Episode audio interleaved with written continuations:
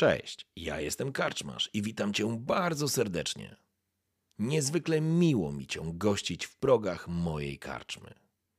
A teraz usiądź wygodnie, odpręż się i daj porwać się historii, którą mam do opowiedzenia. A jeśli spodoba Ci się to, co usłyszysz, zawsze możesz rozważyć wsparcie mnie za pomocą patronite.pl. Link znajdziesz w opisie. Życzę miłego słuchania. Oby nam się! Jedno sprostowanie tylko do ostatniej sesji, ponieważ popełniłem taki e, babol. Opisałem, że nasi akolici będą jechać ciężarówką dostawczą, która dosta dostarcza mięso w, w, na Febę w mieście. A ostatecznie wyobraziłem sobie, że jadą samochodem osobowym i wszystkie sceny prowadziłem z wyobrażeniem, że są w samochodzie osobowym. Zatem e, to taka mała metamorfoza, taki mały Matrix się zmienia i właśnie widzicie, że ten samochód nie jest ciężarówką, tylko jest samochodem osobowym. E, dobrze, e, tak czy siak, e, to jest tylko jedno uzupełnienie informacji, żebyście byli na tej samej stronie. A my, słuchajcie, wracamy. Jesteśmy w tym momencie w oborze. Obora to nazwa dzielnicy, w której mieszkają robotnicy pracujący O na Boże. rzecz. Przepraszam. No, nie w oborze, tylko o. Boże. E, Powiedziałem, o Boże. Także e, teraz jesteśmy w sytuacji, w której nasi e, bohaterowie tak naprawdę odbijali jednego ze swoich ludzi, pilota Kazimira, który pilotował ich e, statek e, i który wpadł w poważne tarapaty. Ostatnia scena polegała na tym, że Tork sięgnął po swój karabin laserowy i zastrzelił dwóch żołnierzy planetarnych sił e, obronnych, którzy towarzyszyli grupie akolitów. A i najprawdopodobniej jeden z nich zrozumiał, z kim mogą mieć do czynienia. Albo tak to odebrał Regulus. A to wystarczyło, żeby wydać wyrok śmierci. Dwa ciała padły na ulicę. Samochód stoi zaparkowany. To jest końcówka obory, czyli tak jak powiedziałem, dzielnicy robotniczej, bo jednak ktoś musi pracować w Febe. Febe, klejnocie planety Satyr, którą gubernator Tidus III chce stworzyć z tego miasta taką perełkę. Ma absolutnie totalną fanaberię i kompleks niższości świata agrarnego, w związku z czym chce stworzyć przecudownej jakości miasto, w której oczywiście nie ma miejsca dla biedoty czy robotników, przynajmniej do zamieszkania. Tak czy inaczej. Jest już późny wieczór, jest myślę, że gdzieś koło godziny 20. Jest już ciemno, luminosfery oświetlają tylko ulice. Tutaj na końcu obory właściwie nie mają już specjalnie co oświetlać. W tle dostrzegacie panoramę miasta, które mieni się tysiącem kolorów i barw. A tutaj, tutaj zrównaliście jeden z ostatnich domów z ziemią. Dwa ciała żołnierzy leżą na ziemi, a, a przy was, a wy w trójkę stoicie podtrzymując. Kazi, to znaczy, Kazimir jest oparty o samochód, z tego co pamiętam, Decimus go posadził. A jest nasz, naszprycowany prochami. Jesteś w stanie, Decimus, go postawić na nogi. Ty jesteś chirurgonem, dla ciebie ludzkie ciało nie ma tajemnic.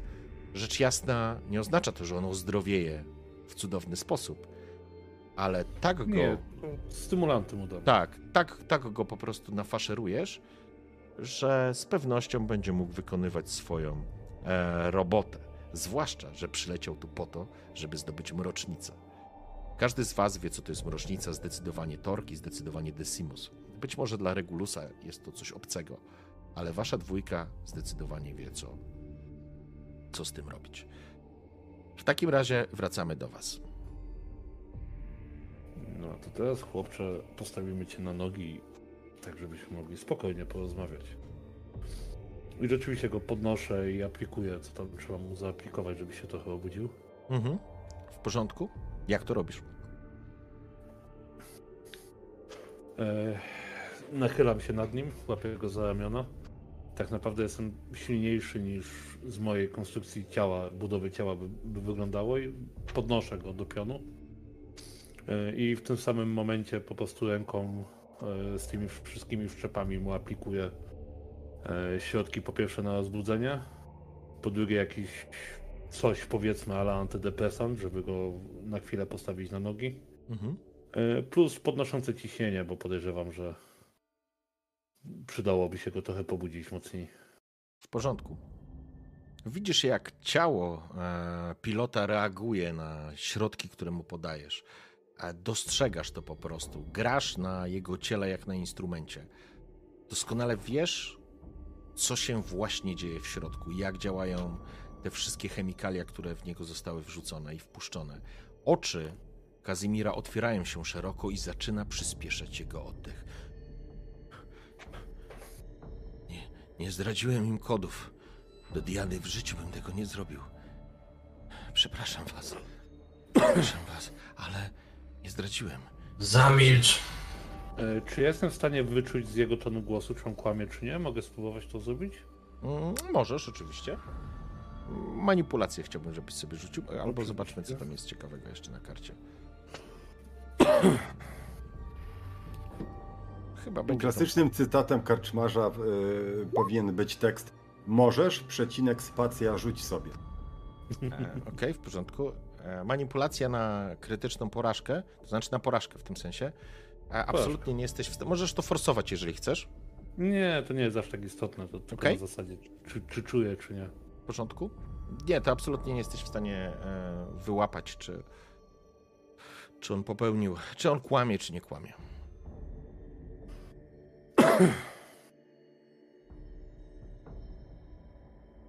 My, kiedy To nie ma znaczenia, bracie. Zamknąć się, to on się po prostu ciszył, nie? Powinniśmy go natychmiast zabić. Zdradził sprawę, zdradził imperatora, okazał się słaby. Przestał mieć dla nas wartość. Jego Czy, śmierć. czy, czy dasz mi tą przyjemność? No i ja muszę ci podziękować, Torko, za twoje... za twój brak wahania w służbie imperatora.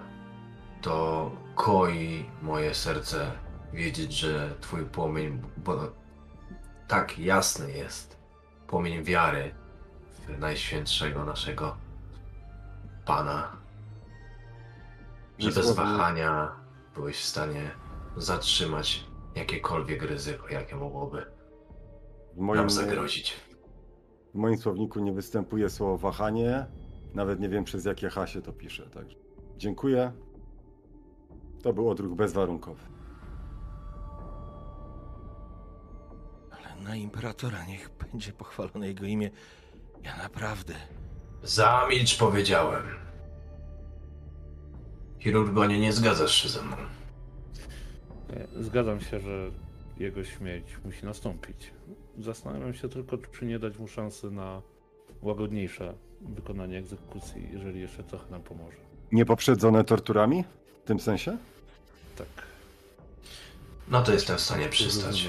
Że bardzo chętnie i w tym momencie podchodzę do niego i tą mechaniczną ręką Mhm. zaczynam mu jeździć po policzku i po szyi, tak delikatnie nacinając skórę, tak tylko delikatnie. Bardzo chętnie zgłębiłbym tajniki jego Widzisz, słabego i obrzydliwego ciała, ale Głębiłbyś swoją maszynerię w jego wątłe i żałosne ciało. myślę, że jeszcze nam się może. Zdążyliśmy cię poznać. Jego twarz, która jest spalona i poparzona, widzisz, nacinasz, on patrzy na ciebie szeroko otwartymi oczami, nie wygląda jakby się bał, on po prostu czeka, przyjmuje to, co robisz.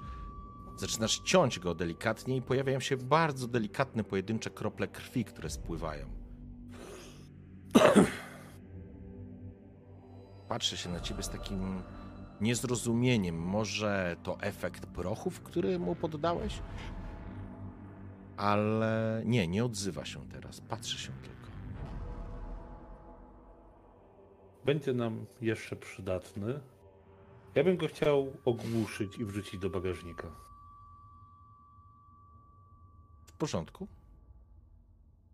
Tym, tym, tym impulsem swoim z tej ręki po prostu go... Okej. W porządku. Nie ma żadnego problemu. On e, po prostu patrzy się, ta rana, którą został postrzelony, jest opatrzona przez ciebie, jest zatrzymane krwawienie i jakby tam nic złego się nie dzieje. Przetrwa, plus te wszystkie prochy, które w niego wsadziłeś. Składasz tą swoją metalową dłoń na jego twarzy, po czym aktyw, aktywujesz e, impuls. Widzicie, jak taki takie delikatne jakby piorunki przychodzą i wyładowanie elektryczne przeskakuje przez twarz po twarzy Kazimira. On się aż wyprostował, aż wygiął w łuk. Po chwili upadł na ziemię.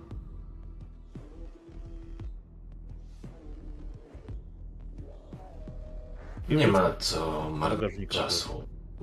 Dokładnie, czas, e, czas w tym momencie jest nam drogocenny, więc Każda sekunda zmarnowana na niechwaleniu imperatora to czas bezpowrotnie stracony. Ja tylko chciałbym y, tutaj zaznaczyć, że na, ja spaliłem jakby swój punkt na jego uratowanie, bo, bo żeby móc sam go zabić. Bo y, głosy z zaświatów czatowych osnowy pytają. Eee, dobrze, w porządku. E, słuchajcie, wsiadacie do samochodu. A dwa trupy żołnierzy leżą obok. Co robicie? Ja sprawdzam, czy nie mają przy sobie jakichś dodatkowych magazynków, bo chętnie bym sobie uzupełnił swoje dwa zużyte, w sensie baterii. Na pewno mają. Każdy z nich ma po dwa dodatkowe akumulatory. Muszę coś rzucać, czy mogę Nie. po prostu podnieść Nie, akumulator, możesz po, sobie? możesz po prostu je zabrać. Z- Ja z tego- się im No, przyglądam. e, Po pierwsze, trzymają jakąś technologię przy sobie, ale też trzymają jakieś papiery, cokolwiek w tym stylu. Słuchaj, technologii jako takiej, która mogła Ciebie interesować, myślę, że nie znajdziesz przy nich. Natomiast e, na pewno mają dokumenty czy, czy, czy, czy informacje na infoczytnikach, w które wskazują, że są po prostu e, ludźmi w planetarnej ochronie, e, z, z, z sił planetarnych, nie? No to się na pewno nam przyda, więc zaganiam obydwa te identyfikatory. Jak Mhm. będzie chwila, to spróbuję je skakować tak, żeby pasowały pod nas. W porządku? I pytanie, czy mają granaty? Tak? Nie. Nie, biedaki. Dobrze, co chcecie w takim razie zrobić? Bo Dobra, bracie, y, bracie Regulusie, jaki nasz następny krok? Pilot, Zostawmy ich tutaj. a nie. Prawdopodobnie zostaną uznani za ofiary jakiegoś lokalnego, niebezpiecznego elementu. Jeszcze przy tym budynku. No tak.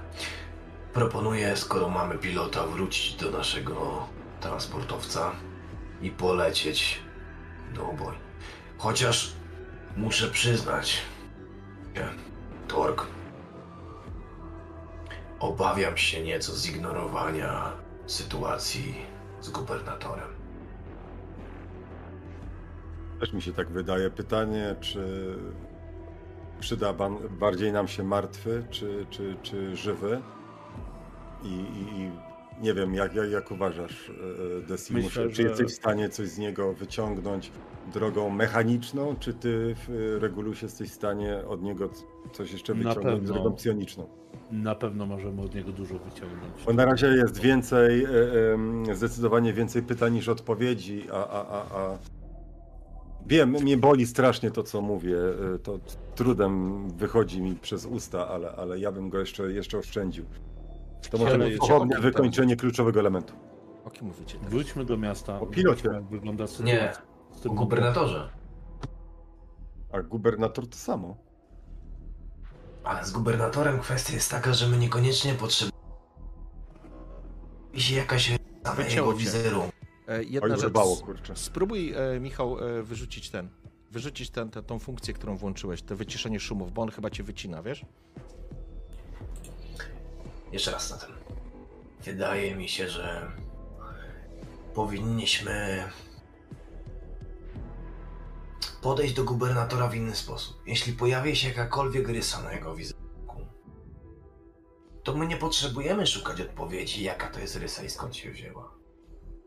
Bo tym zajmie się już nasz przełożony i bracia z czarnej arki. My musimy tylko wykazać, że ta rysa istnieje. Bo o to nas poproszono, abyśmy się dowiedzieli, co dziwnego stało się z gubernatorem. Ile mamy czasu do tego balu, na który mieliśmy się wbić? Teraz jest około godziny 20. E, całe przyjęcie rozpoczyna się jutro po południu, to jest gdzieś koło godziny, to znaczy nie, konkretnie na, na zaproszenie jest godzina 15. I to jest w pałacu gubernatora. z Na pewno nie zdążymy polecieć do koordynatów przed y, balem w pałacu gubernatora. Nie.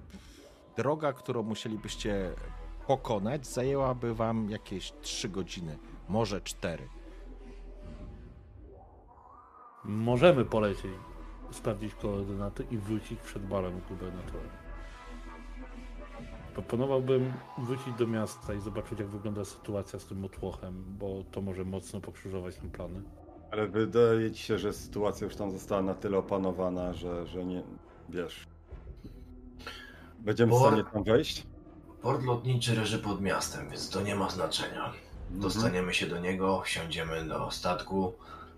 Decimus przy pomocy swych zdolności sprawi, że ten zdrajca przyda się po raz ostatni Imperium. I myślę, że sensownym jest, byśmy faktycznie sprawdzili koordynaty, jeśli mamy na to czas. Gubernator, jeśli na nas nie zaczeka, to i tak słono za to zapłaci. Jeżeli, I sytuacja się rozwiąże sama ewentualnie. To niech tak będzie. Jeżeli duch machiny nam pozwoli, pokonamy ten dystans szybciej. I tu wsiadam do samochodu już, zamykając. Na pewno pozwoli przy każdej możliwej okazji się do niego modliłeś. Nie powinien być głuchy na twoje modły. Czyli co, jaki plan, panowie? Jedziemy do Zasuwamy, portu lotniczego. zasuwamy do portu lotniczego. Na pełnej. W porządku. Kto prowadzi? Tork chyba, tak? To, Mhm. to, tylko tak ma jakiekolwiek pilotowanie. Okej, w porządku. To znaczy, żeby była jasność, każdy z was potrafiłby poprowadzić samochód naziemny, cywilny, natomiast, e, natomiast z pewnością Tork po prostu potrafi to zrobić zdecydowanie. Ja mogę zrobić tak, żeby się sam prowadził. Znaczy, no, ale to Aż tak blokujesz nie, mnie ale- przed możliwą użycia mojego pilotażu.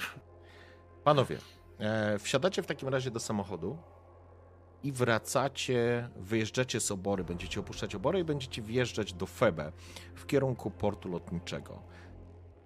To nie zajmie wam dużo czasu. Zostawiliście dwa motocykle oraz e, dwa ciała leżące na ziemi i zniszczony budynek. Zapomniałem o motocyklu. Fuck.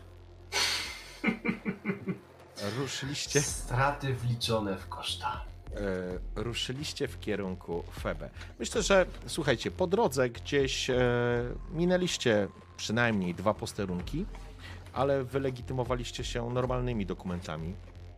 Nikt nie sprawdzał, jakby nie mieliście problemów, żeby przekroczyć posterunki i wróciliście do Febe. Jakby ten przeskok jest ogromny. Jakby to, co było w oborze, to jest to są to jest taka dzielnica robotnicza. Rozpadające się budynki, proste budynki, ciasne budynki, e, żadnego komfortu. A kiedy wjeżdżacie do Febe, ten, ten przeskok jest aż uderzający w oczy. Wy wjeżdżacie i nagle to, co było ciemne i brzydkie, jest piękne i jasne. Luminosfery są wzdłuż ulic, są piękne, brukowane drogi, chodniki, są jakieś klomby, są rośliny. To wszystko faktycznie to jest, to jest taka skrajność, ze skrajności w skrajność, że e, to aż trudno po prostu złapać, że jesteście w agrarnym mieście. Zdecydowanie nawiązania, o których słyszeliście, że gubernator tak bardzo pragnie uczynić z Febe klejnot e, satyra, zdecydowanie, e, zdecydowanie mu się udaje. Dojeżdżacie w każdym razie, słuchajcie, na, na lotnisko, to znaczy na to, na to cywilne lotnisko, zatrzymując się gdzieś na jakimś parkingu.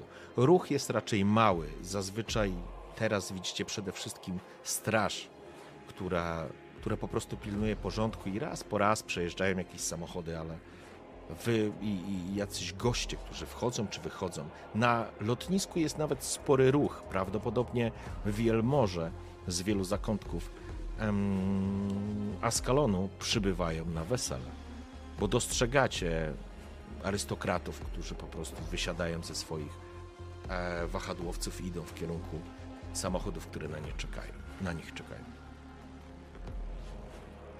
Oczywiście wasz samolot, e, znaczy wiecie, gdzie jest wasz, e, wasz statek, tylko że przypominam, um, Kazimir jest nieprzytomny w bagażniku.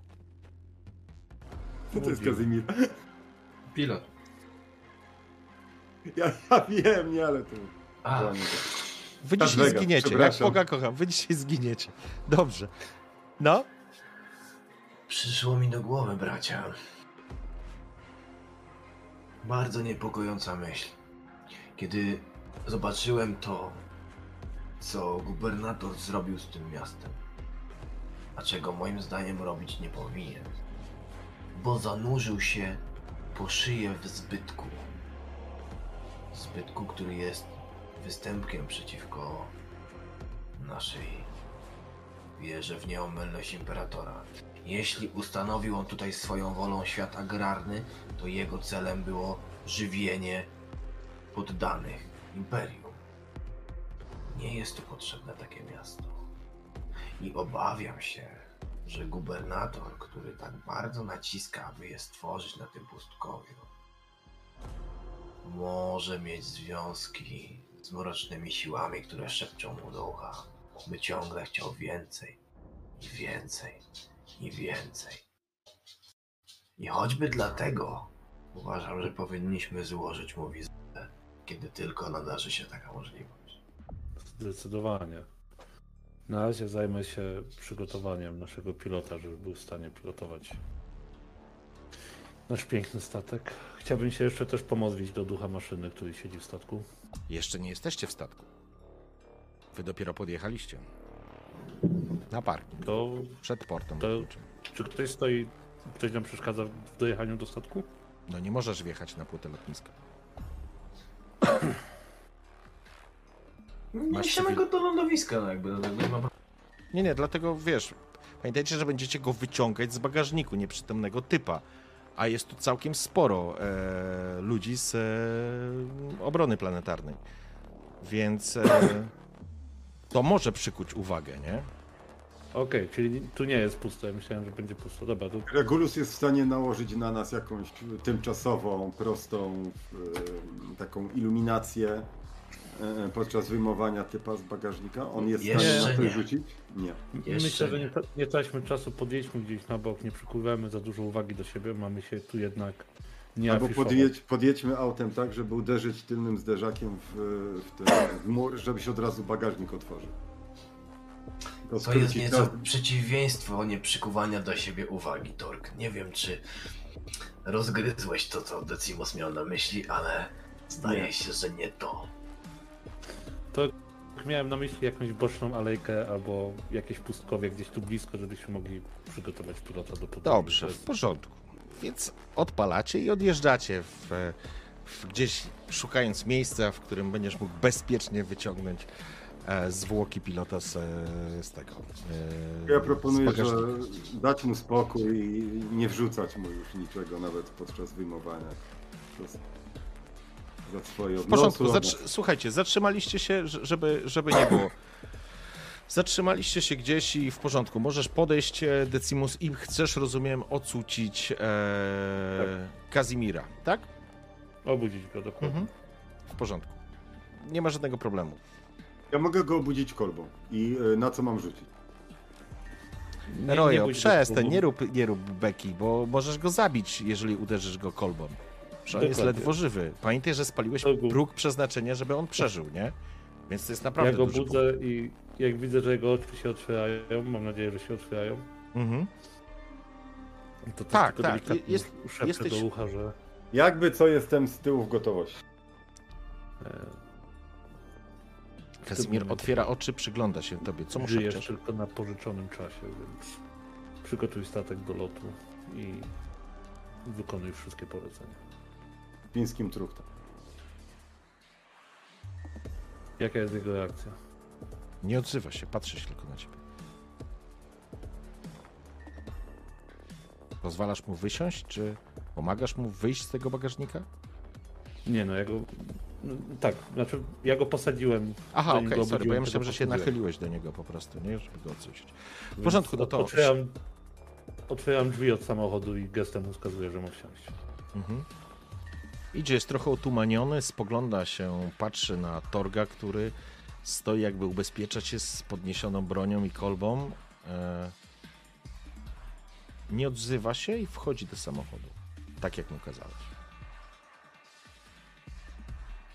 No to też siadam i zakładam, że jedziemy bezpośrednio na. Okej. W porządku. Pod, pod statek. Zatrzymaliście się, e, zatrzymaliście się znowu e, przy płycie lotniska i w tym momencie rozumiem, że wszyscy zbliżacie się, idziecie w kierunku waszego, e, waszego statku. Ja się bardzo uważnie przyglądam mm, Kazimirowi Mhm. i chciałbym analizować jego zachowanie. Jeśli wyda mi się podejrzany, to będę próbował wyprzedzić jakieś jego wybryki, które mógłby tu podjąć. Nie zakładam, żeby nas wydał, no ale jakby próbował, to muszę być na to gotowy. Okej, w porządku. Słuchaj, no. e, prawda jest taka, że. Hmm, a rzuć sobie, rzuć sobie obserwację. Dobra. Porażka. Będziesz to forsował? Tak. Okej, biorę kość chaosu. A ja rzucam plus jeden, tak? E, pytanie, czy miałeś modlitwę na empatię ustawioną? E, przepraszam, spryt. obserwacja na spryt. Jeżeli tak, to Tak. masz plus jeden. Mhm. Tak, miałem. Bo rozumiem, że ona się nie zmieniła. Nie, bo teraz dam wam możliwość się pomodlić, jak będziecie w trakcie tego Okej, lotu, żebyśmy super. mogli to zmienić, bo teraz będziecie Znaczy ja bym i tak przy tym został. Okej. To w takim razie dodajesz sobie jedną kość więcej z modyfikatorem plus jeden rzucasz. Dobra. Dwa. Okej? Tam jest jeszcze plus dwa, bo ja mam plus dwa do obserwacji, nie? Więc. To zawsze to do modyfikator dodawaj do rzutu. W każdym razie... No tak, no to w sumie jest. Aha, wyrzuć. Ale, ale masz i tak e, sukces. Więc przyglądasz się, przyglądasz się Kazimirowi. em, wszedł w taki tryb autopilota. To znaczy, masz wrażenie, że jego ciało idzie właśnie takim wolnym, posuwistym ruchem, natomiast jego umysł pracuje na najwyższych obrotach. Nie zachowuje się podejrzanie na zasadzie, wiesz, nie rozgląda się, wiesz, jakby nie szuka możliwości ucieczki, ale jesteś przekonany, Regulusie, że Kazimir ma już pełną świadomość, nie? Że rozumie, doskonale rozumie sytuację, w której się znalazł. Nie wiesz tylko, czy ta sytuacja i to jego rozumienie pchnie go do czegoś desperackiego, czy raczej przyjmie to z taką żołnierską pokorą. To ja uprzedzę te jego desperackie ruchy. Mhm. Być może go w, nie, w tej stronę popchnę, ale Regulus czuje, że powinien dołożyć swoją cegiełkę Okej? do tego, jak, jak on ma zamiar postąpić. Y, Zanim tylko zaczniesz go tam męczyć bardziej, to ja bym chciał rzucić okiem na okolice statku. Czy nie stoi jakiś patrol, czy gdzieś ktoś podejrzany nam się po drodze nie kręci. Ja Po też dodam. rozejrzeć w okolicy. Znaczy, Ja bym też chciał za, zabezpieczyć jakiś sektor, nie wiem, Okej. rzutem na obserwację. Znaczy pamiętajcie, wy idziecie teraz po płycie lotniska, to jest cywilne lotnisko, nie ma tu żadnego problemu, to znaczy wy zachowujecie się naturalnie. To, że macie broń przy sobie, większość ludzi ma broń przy sobie. Może ewentualnie Torg zwracałby uwagę, ponieważ ma karabin, ale ze względu na to, że Torg wygląda dokładnie jak ochroniarz, to nie przykuwa to żadnej, nie, nie, nie stwarza to żadnego problemu. Wy idziecie w kierunku lądowiska, na którym stoi wasz e, statek a, i jest dużo ruchu, pomimo tego, że jest, e, wiecie, jest późno, jest około godziny tam 21, 20, 21, to jednak cały czas jest ruch, bo lądują jakieś różnego rodzaju wahadłowce, tak jak mówiłem, i wychodzą wielmoże, więc e, ten cały obszar jest dosyć mocno teraz pod obserwacją i zabezpieczony ze względu na obecność VIP-ów, nazwijmy to e, szumnie. E, Natomiast e, jakby nie, nie przekłada się to na problem dla Was, zwłaszcza, że Wy macie wszystkie papiery, całą dokumentację, więc przy każdym jakimś punkcie kontrolnym po prostu pokazujecie kwity i i idziecie do miejsca swojego lądowania, nie? Więc Okej. To Tak tylko to jedna wygląda. rzecz. Zakładam, że po prostu wejdziemy na statek i Kazimir zacznie przygotowywać go do odlotu. mhm. Ja bym chciał sprawdzić, czy ktoś nam czegoś nie podpiął. Ja nigdy nie ufam statkom, jak zostają na publicznych lądowiskach. Więc chciałbym obejść statek dookoła i zobaczyć, czy gdzieś nie ma jakiegoś nadajnika, albo czy ktoś nie próbował majstrować przy tym statku w trakcie, kiedy myśmy stali. okej, w porządku. A to jest to, co chciał e, Decimus, będzie chciał zrobić, a Regulus, ty w tak zwanym międzyczasie coś chciałeś jeszcze zrobić. Tak. Ja idąc po prostu, idę obok niego i w taki naturalny sposób mówię do niego, ale nie, nie kierując bardzo uwagę w jego stronę, tylko komunikując się po prostu id- idąc obok niego, tak żeby słyszał, co do niego. Mhm. Miałeś rację, Kazimierze. Nie ma w tym sektorze lepszego pilota od ciebie. Nie ma, bo wszyscy są od ciebie lepsi. Nawet najgorsze robactwo, bo to ty zdradziłeś imperatora. I być może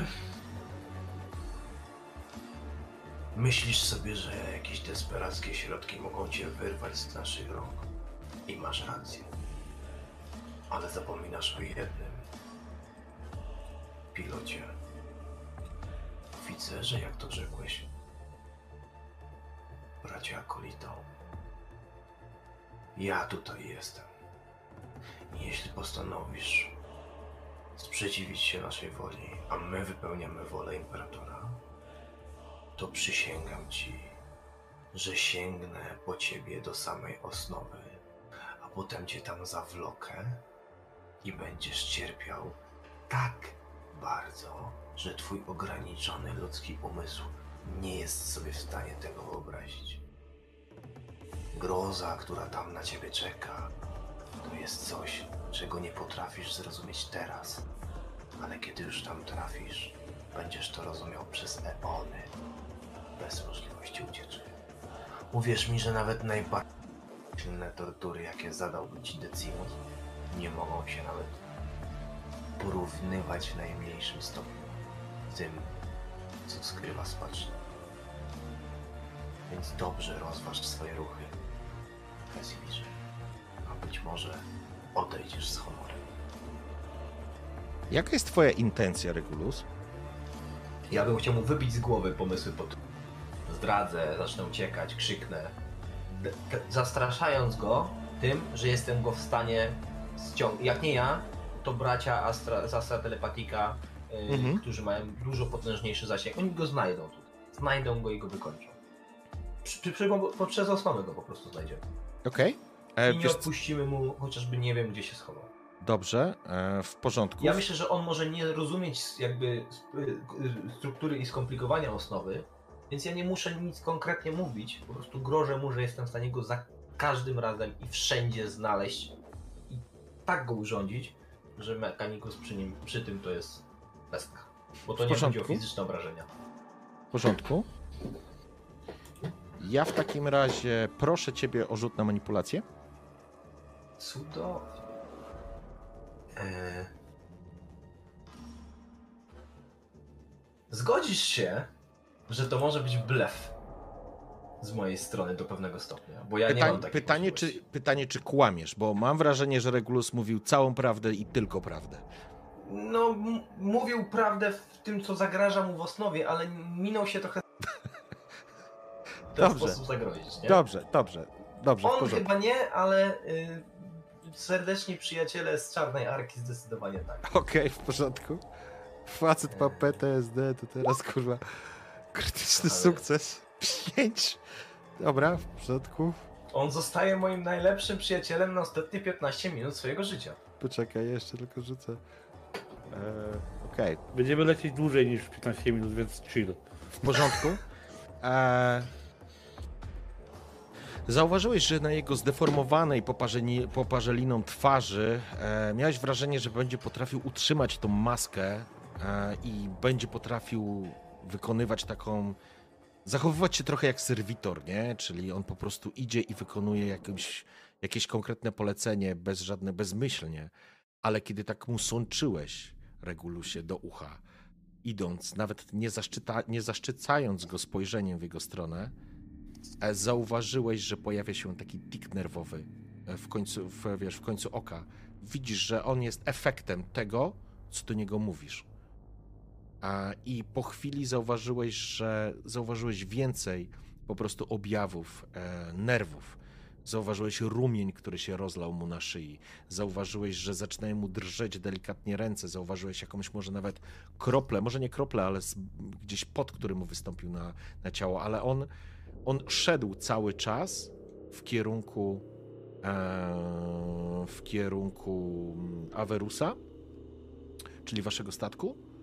Diany, na której na boku jest e, wymalowana taka e, żołnierka w mundurze błękitnym. I, I chyba usłyszałeś, Regulus, jak on szepcze, ale chyba bardziej do siebie niż do kogokolwiek innego, że imperator jest moim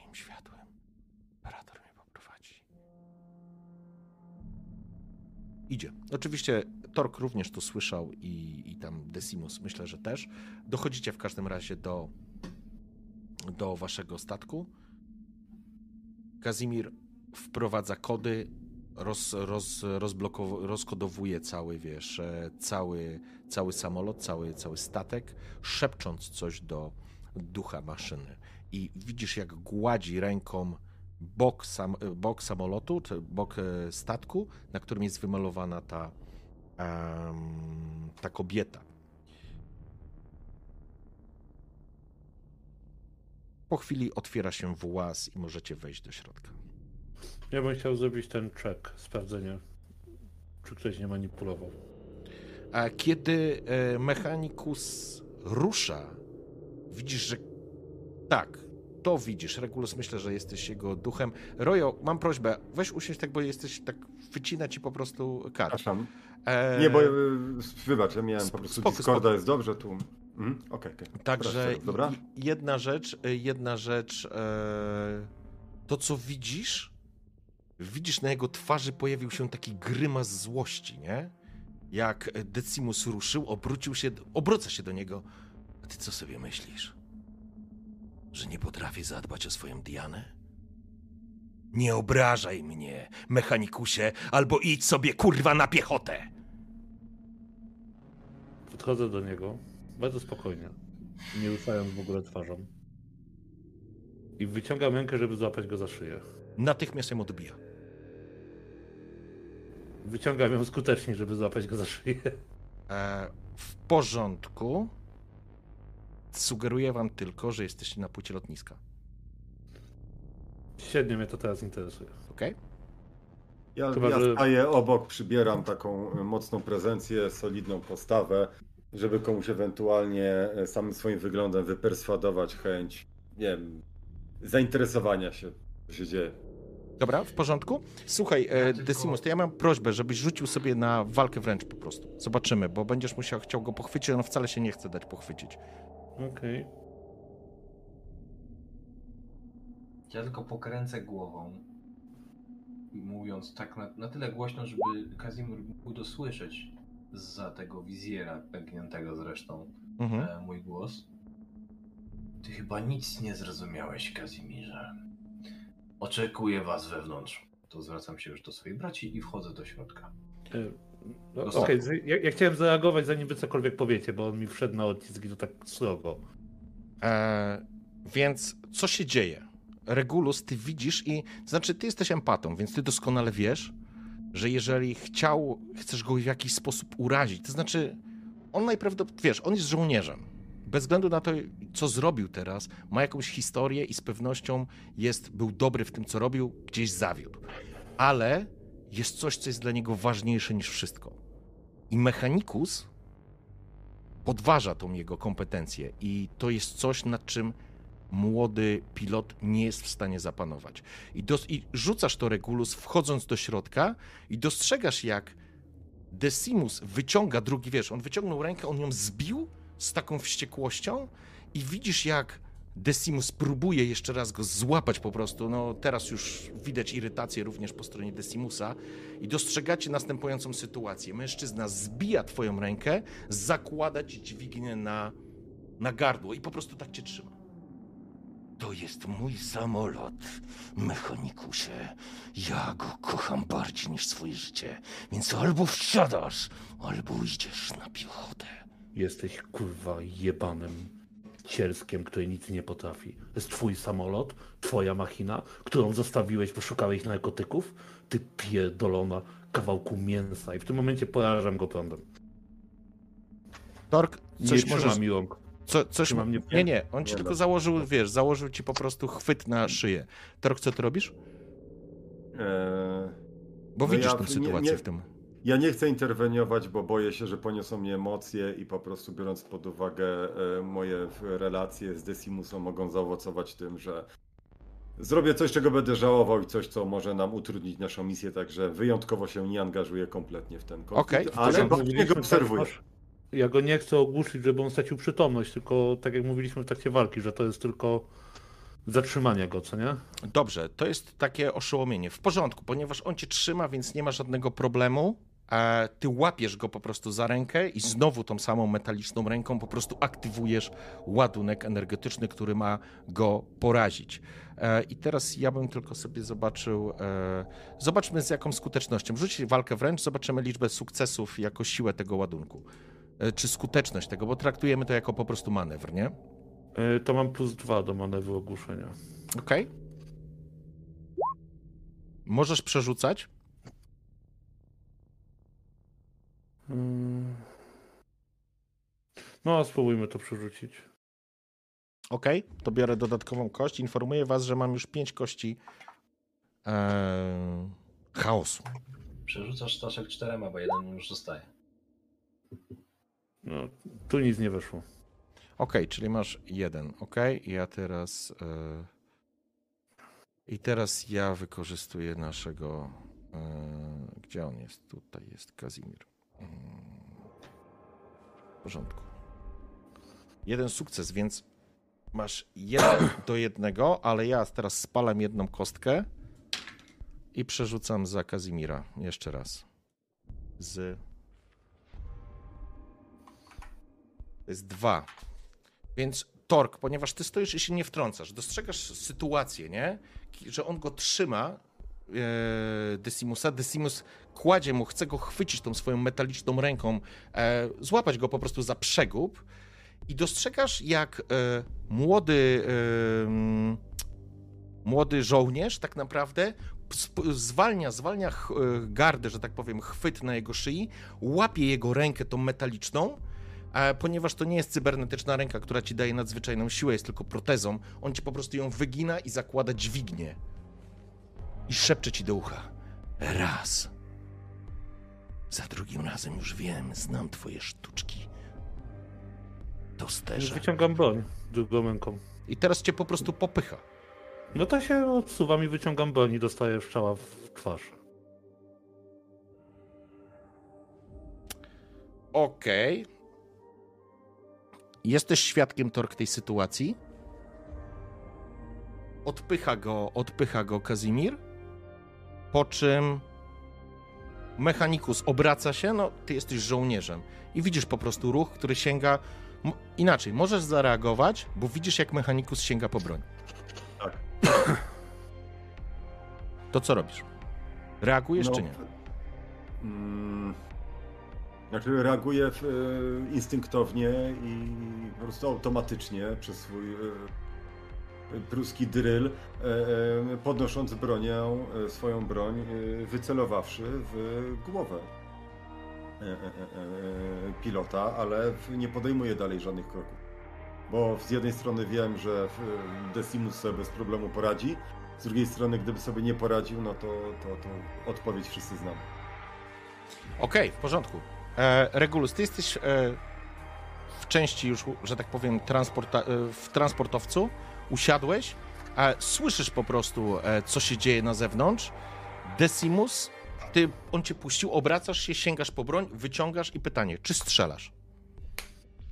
Tak, bez zastanowienia. W sensie to, to truchło przeze mnie żyje. Tylko przeze mnie on żyje, kurwa mać. To jest worek mięsa, który nie ma prawa już żyć.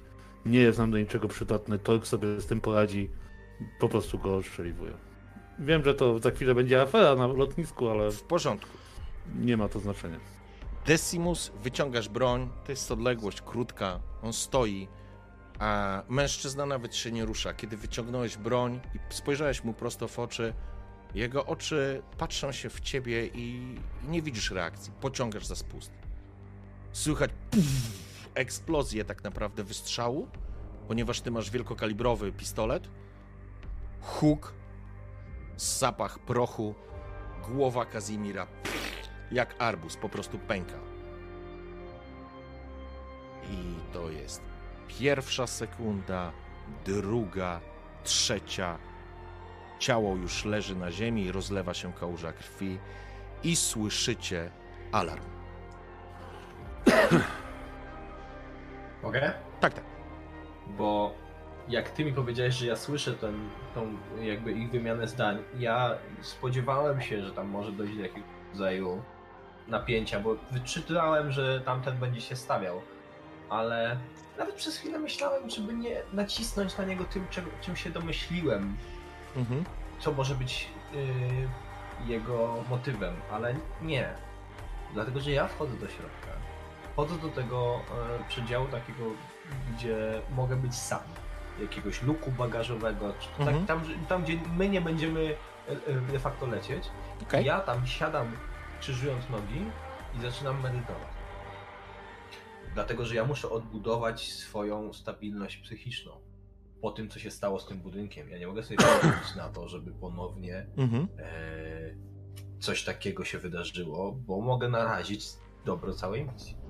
Więc wyobrażam sobie, jak jestem w tej ciemności i łapię te nici osnowy i po prostu się nimi oplatam. Powoli, odbudowując ten kokon, w którym jestem bezpieczny, który pozwala mi czuć się pewnie w osnowie. Ja Okej. się totalnie odłączam. W porządku? Więc jeśli się wychodzisz, to ja nie, ja nie słyszę huku wystrzału ani alarmu. Dopóki ktoś tu nie przyjdzie i mnie fizycznie nie dotknie, to ja chcę być totalnie jakby wiesz, wyłączony, Okej. zanurzyć w sobie, w tej osnowie i mówić, oplatam się tymi po prostu nićmi.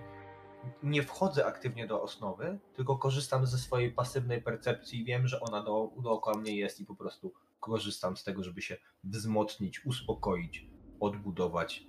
Medytacja, wyciszenie. W porządku. Zatem, zupełnie na innym poziomie percepcji jesteś, Regulus. Nie dostrzegasz, nie słyszysz, nie dochodzi do ciebie to, co się dzieje na zewnątrz. Torg, widzisz bardzo dokładnie to, co się dzieje na zewnątrz. Widzisz w tym momencie padające ciało z roz, rozbitą głową, roz, rozwaloną głową e, pilota, który w tym momencie jeszcze, jeszcze delikatnie drży e, w skurczach. Wyciągniętą broń e, Decimusa i widzisz właśnie, tak jak mówiłem, po trzech sekundach słyszysz już e, dźwięki trepów biegnących, e, biegnących ludzi z bronią w waszą stronę. Gleba! Gleba! Gleba! I to jest, wiesz, podjeżdżają samochody, pojawiają się sygnały, e, widać jakąś rozpoczynającą się ewakuację jakichś arystokratów, którzy tutaj wyla- wylecieli. E, po prostu podjeżdża do was z każdej ze stron kilka samochodów i po prostu wszyscy, którzy byli w okolicy, biegną do was z wyciągniętą bronią. Czy my jesteśmy w stanie wsiąść do samolotu, czy nie? Czy stoimy E, jak pipy i się nie ruszamy? Słuchaj, to trwa 2-3 sekundy, więc e, wy możecie biec. Możecie wsiąść, jeżeli chcecie, możecie wsiąść do samolotu i odlecieć. Y, Ja myślę, że patrzę na Torga i tak do- dobrze wie, co mam na myśli. Tak, robimy Nie- to. To nie jest pierwszy raz, kiedy się ewakuujemy szybko. Nie, wszyscy się ewakuują, e, ja ich osłaniam ogniem, ale nie wystrzeliwuję serii full auto. Nie, to, to ty Posłuchaj, lecisz, posłuchaj mnie. Ale lecisz posłuchaj pilotować. Ale ja wiem, no to daj mi odegrać swoją rolę, tak? E, ewakuujecie się do samolotu, ja osłaniam was ogniem, strzelając oczywiście nad głowami cywili i innymi żołnierzami, żeby ich odstraszyć chwilowo, po czym wchodzę za wami, zamykając właz i przesiadając się na fotel pilota, korzystając z pilotażu. Ja tylko dodam, że twój pilotaż dotyczy pilotowania pojazdów naziemnych. Damy radę. Ale zawsze to jakiś pilotaż.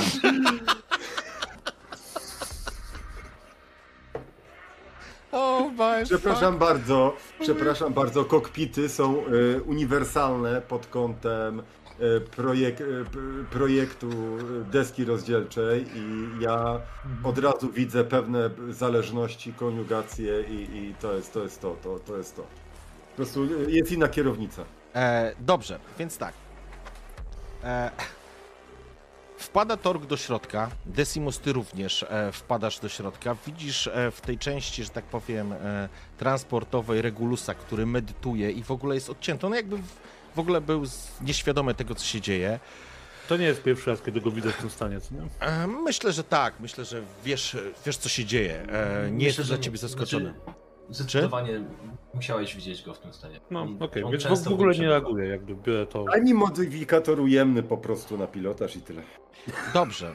E, ja chcę tylko wam powiedzieć, panowie, że w momencie, kiedy Że sesja Ruszyli- będzie trwała o jedną sesję mniej. ruszyliście do okrętu, do Awerusa, ja zawsze tej nazwy zapominam, ale do waszego wahadłowca, nazwijmy to w ten sposób, a za, po prostu uciekając przed tymi e, gwardzistami, siadasz tork za sterami. I normalnie ja bym, ja bym ci dał możliwość spalenia punktu przeznaczenia, żebyś mógł poderwać maszynę. Ale Kazimir nie podał wam jednej rzeczy. Wy nie macie kodów dostępu, kodów startowych tego, tego statku. On był gotów oddać za to życie, żeby nie dać tego rzeźnikom, którzy go e, faszerowali. Mogę spróbować skakować statek? Dogadać się z duchem maszyny? Możesz, okej, w porządku, na to pójdę. Okej. Więc siadasz To- i słyszysz nagle Torga, kurwa! Nawet wiesz, gdzie jest starter, ale Ja muszę być blisko, więc y, otwieram taki właz, który jest pod schodami pomiędzy ładownią a, a kokpitem i wchodzę tam, gdzie jest y, generator pola antygrawitacyjnego, jeżeli dobrze pamiętam tą technologię tutaj. I przykładam ręce do, do jakby źródła energii całego statku i zaczynam się modlić, e, mówiąc sobie delikatnie pod nosem, że w ciele jest tylko zakłamanie. W ciele nie ma prawdy. W ciele jest tylko rozkład. W ciele jest tylko śmierć. W maszynie jest perfekcja, w maszynie jest zbawienie, w maszynie jest prawda, w maszynie jest życie. I cały czas modlę się, starając się namówić. To jest. Podejrzewam, że tutaj duch maszyny może być, dość solidny, bo on jednak był z nim zżyty. E, I co, na technologię? Teraz tak, pierwsza rzecz. Decimus e, dosiadł się, że tak powiem, wpadł w tą część, ma, tą maszynownię nazwijmy to, e, żeby po prostu się podpiąć i porozumieć się z duchem maszyny. To trwa. Tork, ty siedzisz e, w sterówce, że tak powiem, w sterówce, w kokpicie. Widzisz po prostu, jak z każdej ze stron e, coraz więcej, to znaczy coraz więcej. To nie o to chodzi, że milion żołnierzy nagle, ale wiesz, no, cała straż i ochrona po prostu, wiesz, staje, e, staje... E, Pies, nie szczekaj teraz, proszę cię. Z- Że tak powiem, zaczyna was otaczać. I teraz tak, ty Simus, chcesz rzucić, to tak, ja ci dam do tego rzutu minus 3. I Okej, czy to jest łamanie zamków? mm, jeżeli to jest hakowanie zabezpieczeń, wiesz co, ja ci dam to pod zabezpieczenia, okej. Okej. Ja ci dam to pod zabezpieczenia i ile masz tych punktów razem? Yy, I Nie używam rzucę jeszcze. czaszki do tego, co nie? Eee, w porządku, ale czaszka ci tu nie pomoże. Bo ty się nie rozpruwasz. Ty musisz złamać ducha maszyny. Okej. Ile masz? E, To e, mam plus dwa do e, otwierania zamków, Mhm. I zabezpieczenia, E, okej. No, to ci pozwolę tak. dodać. zabezpieczenia e, i plus, korzystanie z technologii plus dwa Okej, do testów technologii. To jest No. plus cztery łącznie. okej. E, no jeżeli nie używam cza- czaszki, nie mogę użyć do tego, to to jest w zasadzie tyle. Czyli masz ile w sumie kości? Plus 4 i mam technologię na 2, czyli łącznie mam 6. I spryt. I spryt, którego mam 6, czyli 12. Dobrze. I masz minus 3. I ja spalam 3 kości chaosu. I teraz. e, czyli masz modyfikator minus 6 do tego. I rzucę. E, Jak minus 6? Moment, bo się zgubiłem. ja podbiłem swoimi kośćmi chaosu poziom trudności tego testu. To mam, mimo, że mam plus 4, mam minus 6? E, masz plus 4, czyli miałeś łącznie kości 12, nie? No. Tak. I masz minus 3 e, za test standardowy ze względu na poziom trudności. Ja spalam jeszcze 3 kości, zostaje mi ostatnia, żeby jeszcze bardziej po, o, e, utrudnić ten test o kolejne 3 poziomy. Czyli minus 2. Zostaje ci 6 kostek. Nie, zostaje ci 6, bo ty masz na sumie 6 kostek. Czyli masz. E, aha, bo ty dobra, przepraszam, już wiem o czym mówisz. Sześcioma kostkami po prostu, żeby rzucił.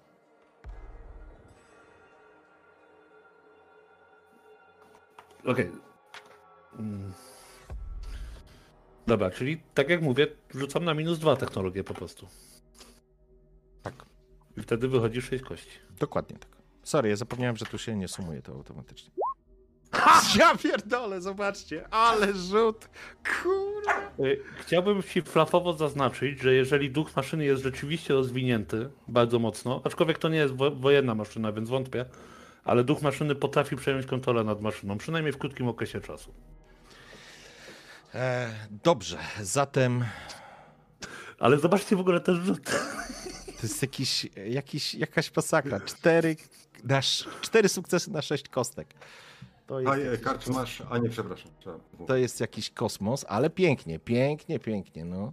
Naprawdę, kurde, ży, życie jest z wami w tym momencie. Naważył, a potem jednym chaostem po prostu ducha maszyny wycisnął z niego wszystko. Decimus, Pięknie. zwracasz się do Pięknie. maszyny. Zwracasz się do ducha maszyny, prosisz Omnisjasza o pomoc. Próbujesz nawiązać z nią kontakt, łapiesz z nią kontakt, podłączony jakimś kablem przez gniazdo. Twój umysł, niczym kogitator, przelicza i wysyła zapytania. I masz wrażenie, że w pewnym momencie ten duch odpowiada ci.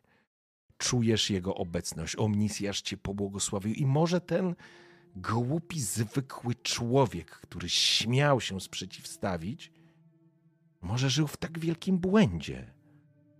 Może ta maszyna, za którą był gotów oddać życie, wcale go tak nie kochała.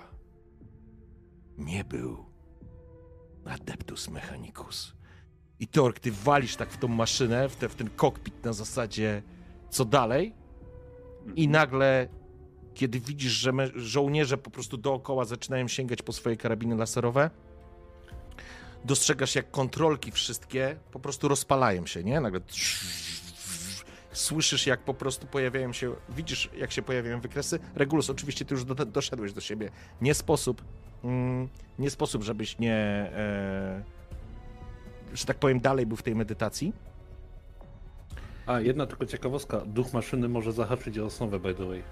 E, więc, A, mogłeś to poczuć w ogóle. sz, e, szanowni, e, pytanie teraz jest Ja do myślę, was. że to mnie wyrwało, nie? Że jak, Mogłeś to- to położyć reguly. bo ja, ja jeżeli ty uruchomiłeś go i on za... Ja cały czas widzę. Ja chcę, żebyście, panowie, żeby, żeby to przeskoczyć, każdy z was pali próg przeznaczenia i opuszczacie lotnisko. Okej. Jestem ciekaw, co by zrobił, byśmy powiedzieli nie. Rozwaliłbym was. Rozwaliłbym was. To nie jest jednostka bojowa, to jest jednostka taki transporter, e, wahadłowiec zwyczajny, więc on by dużo nie przyjął na siebie e, obrażeń, a tu jest po prostu cała straż, e, cała straż, nie? Cała gwardia, która pilnuje Ja tego tylko lotniska. siedzę, głaszczę maszynę i zadbam o ciebie. Będziesz... Będziesz wspaniały. Więc, szanowni, każdy z was próg przeznaczenia w dół, tork,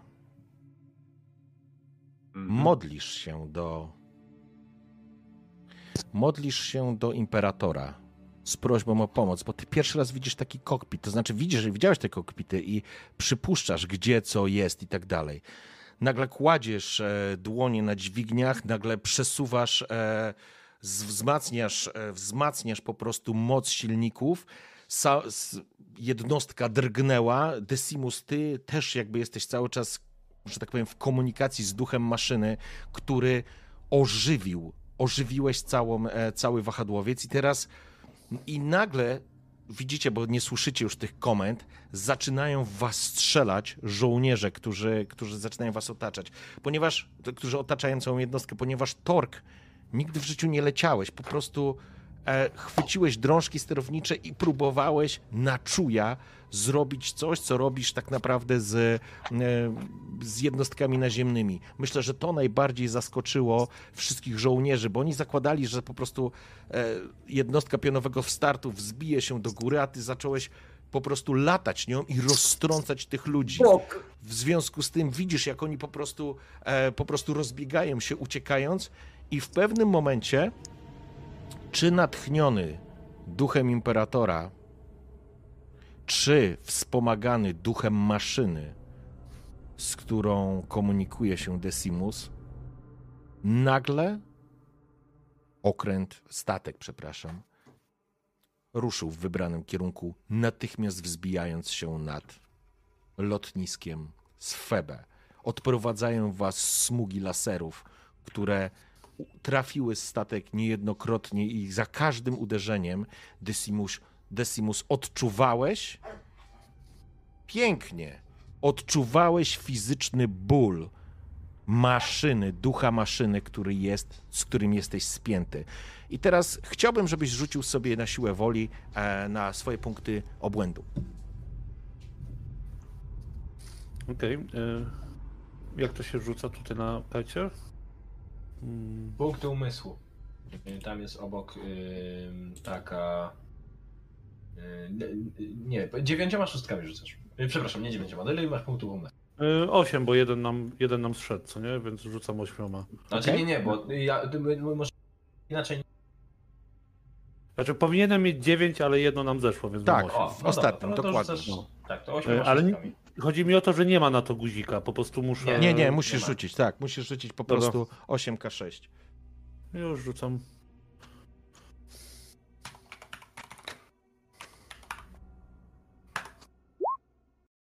Jedna Jeden szóstka sukces. jedna szóstka. Więc e, Regulus, wyszedłeś z tego całego, e, z- z tej twojej takiej medytacji. Oczywiście jesteś świadomy tego, co się dzieje. Wielokrotnie statek przyjął e, wiązki energetyczne, wielokrotnie dostał i widzisz, jak każdy wstrząs tego statku, kiedy, kiedy po prostu dostawał, Decimus jest podłączony jakimś takim przewodem do, do gniazda e, w okręcie i on się aż wykrzywiał, aż wyginał z bólu. I czujesz, Decimus, nawet to nie o to chodzi, że to ty czujesz. Ja Ale- czuję to, co to, to ale dokładnie. czuje. Duch maszyny po prostu odczuwa każde to uderzenie i ból, który mu to sprawia, fizyczny ból, który rozrywa jego osłony, jego blachy, jego, jego elementy, Ja się Trafi- go starałem uspokoić, mhm, tyle ile mogę. trafia w ciebie jak w, jak słuchaj, w, jako ładunek taki empatyczny, mentalny, jakbyś odczuwał ten ból. Ponieważ masz jeden sukces, w takim razie proszę cię, żebyś sobie dodał dwa punkty obłędu, czyli dwie kości sobie e, s, Mhm. składasz, ale jesteś przytomny i najprawdopodobniej, to znaczy najprawdopodobniej to twój kontakt z duchem maszyny, twoje błogosławieństwo omnisjasza powoduje, że ten statek leci, bo Tork jest w stanie go kontrolować tyle o ile. E, jemu się wydaje, że on go kontroluje tak naprawdę. Niemniej jednak odleciliście panowie z lotniska w Febe, zostawiając tam e, zostawiając tam tych wszystkich ludzi, nie? Ja jak ten tylko zaznaczyć, zawsze możemy wylądować w tej oborze i tam są motocykle. Cóż no. Ja jestem świadkiem cierpienia Decimusa, ale nie angażuję się w to. Dlatego, że służba imperatora naznaczona jest cierpieniem, a ci, którzy są męczennikami, stanowią fundament imperium, co wiele Żeby dobrze, żeby dobrze zrozumieć, y, dla mnie to jest wyróżnienie, że mogę się poświęcić dla ducha maszyny. Że mogę przyjąć swój ból, jego ból na siebie, że będę mógł o niego zadbać. Y, To jest, to jest ból. Decimus naprawdę cierpi. To nie jest tak, że a trochę mnie tam boli. Nie, nie. To jest naprawdę y, moim ciałem targa bardzo mocno, ale zarazem czuję pewną satysfakcję, nawet delikatne podniecenie. To jest żad... O, sfrizowało go? Halo, halo? Staszek? O, teraz Tak, jakąś- chwilę. Chyba, że jakąś króciutką przerwę To- zrobimy, jak zawsze około tej godziny. Tak, zrobimy sobie O, tylko... wpół do, wpół do, to jeszcze.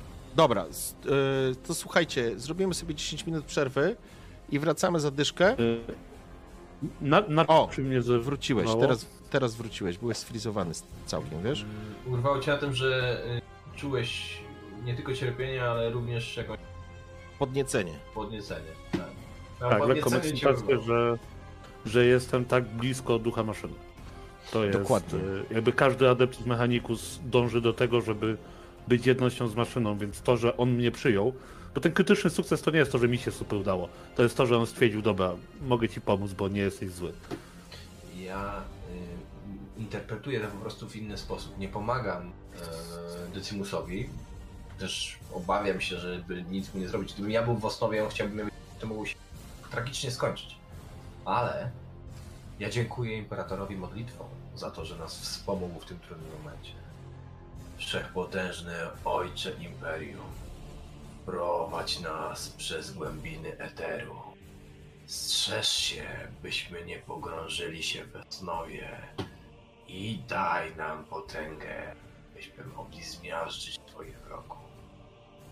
A następnie idę do Torka, klepię go po ramieniu, gestem, który rzad- rzadko kiedy można i mówię mu po prostu Dobra robota, Tork. Ale następnym razem Pozwólcie mi do cholery dokończyć medytować. Mało ci budynków zawalonych. E, Ja sobie tak. mówię pod nosem, czy duchy, czy maszyny. Ważne, że działa. Tak pod nosem do siebie, że się udało. w porządku, i teraz przechodzimy na przerwę. Czaty 10 minut do wpół do, łapiemy się i wracamy za chwil kilka. Dobrze, wracamy do naszej gry. Zaczęła, zaczęła się krwawo, zobaczymy jak się skończy. E, słuchajcie, Diana, bo tak nazywał ten samolot e, Kazimir, jest prowadzona tak naprawdę przez e, ducha maszyny, przez Decimusa, wspierana przez to, co może zrobić Tork. Macie wprowadzone i macie dane tak naprawdę, więc zakładam, że na poziomie gdzieś e, przesyłu danych pomiędzy kogitatorem a duchem maszyny, e, maszyna jest w stanie pilot lecieć w stronę koordynatów, które zostały wprowadzone. To jest ten moment, w którym zarówno Regulus, jak i Tork możecie pomodlić się do Imperatora. Decimus, ty nie możesz. Dla ciebie, ty nie możesz w tym momencie się ode- oderwać, że tak powiem, od tego. Więc e, jeżeli chcecie, możecie zmienić swoją modlitwę, czyli wybrać jedną z tych czterech, które są. Czyli albo będzie Zostaje to mo- przy sprycie. przy sprycie, czyli nadal modlisz się do Imperatora Wszechwiedzącego. A ty, Tork? Tak.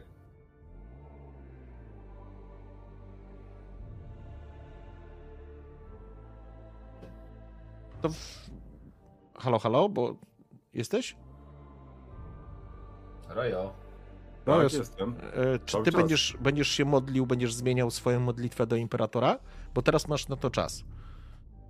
Czyli No wybierasz moja- jedną z mhm. czterech modlitw i wybierasz sobie, który teoretycznie, która cecha będzie powiązana z tą modlitwą i jeżeli będziesz forsował rzut na tą cechę, to będziesz miał plus jeden do rzutu. No to ja zawsze jestem e, wierny w, y, imperatorowi doskonałego wzorca, czyli po prostu zręczny. Zręczność. W porządku. Czyli, Ja kiedyś rozmawiałem z Torgiem i on mi powiedział, że tak naprawdę nie modli się do Imperatora Doskonałego Wzorca, tylko do Imperatora Króla Rozpierdolu. Słuchaj, no ja.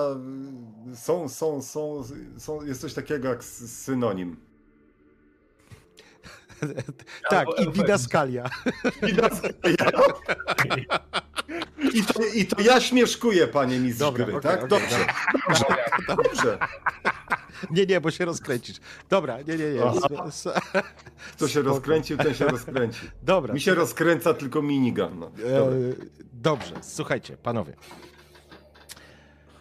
Zatem e, zarówno Regulus, jak i Tork macie ten czas, żeby, żeby pomodlić się do Imperatora, połączyć się z nim na jakimś poziomie to, co się dzieje wokół was, z dnia na dzień utwierdza was w przekonaniu, was wszystkich tak naprawdę, że jesteście bliscy imperatorowi, że zostaliście stworzeni do czegoś więcej niż do zwykłego, normalnego życia. Jak miliardy albo niepoliczalne miliardy ludzi i istot na, na wszystkich możliwych światach. Jesteście wybrańcami i czujecie to.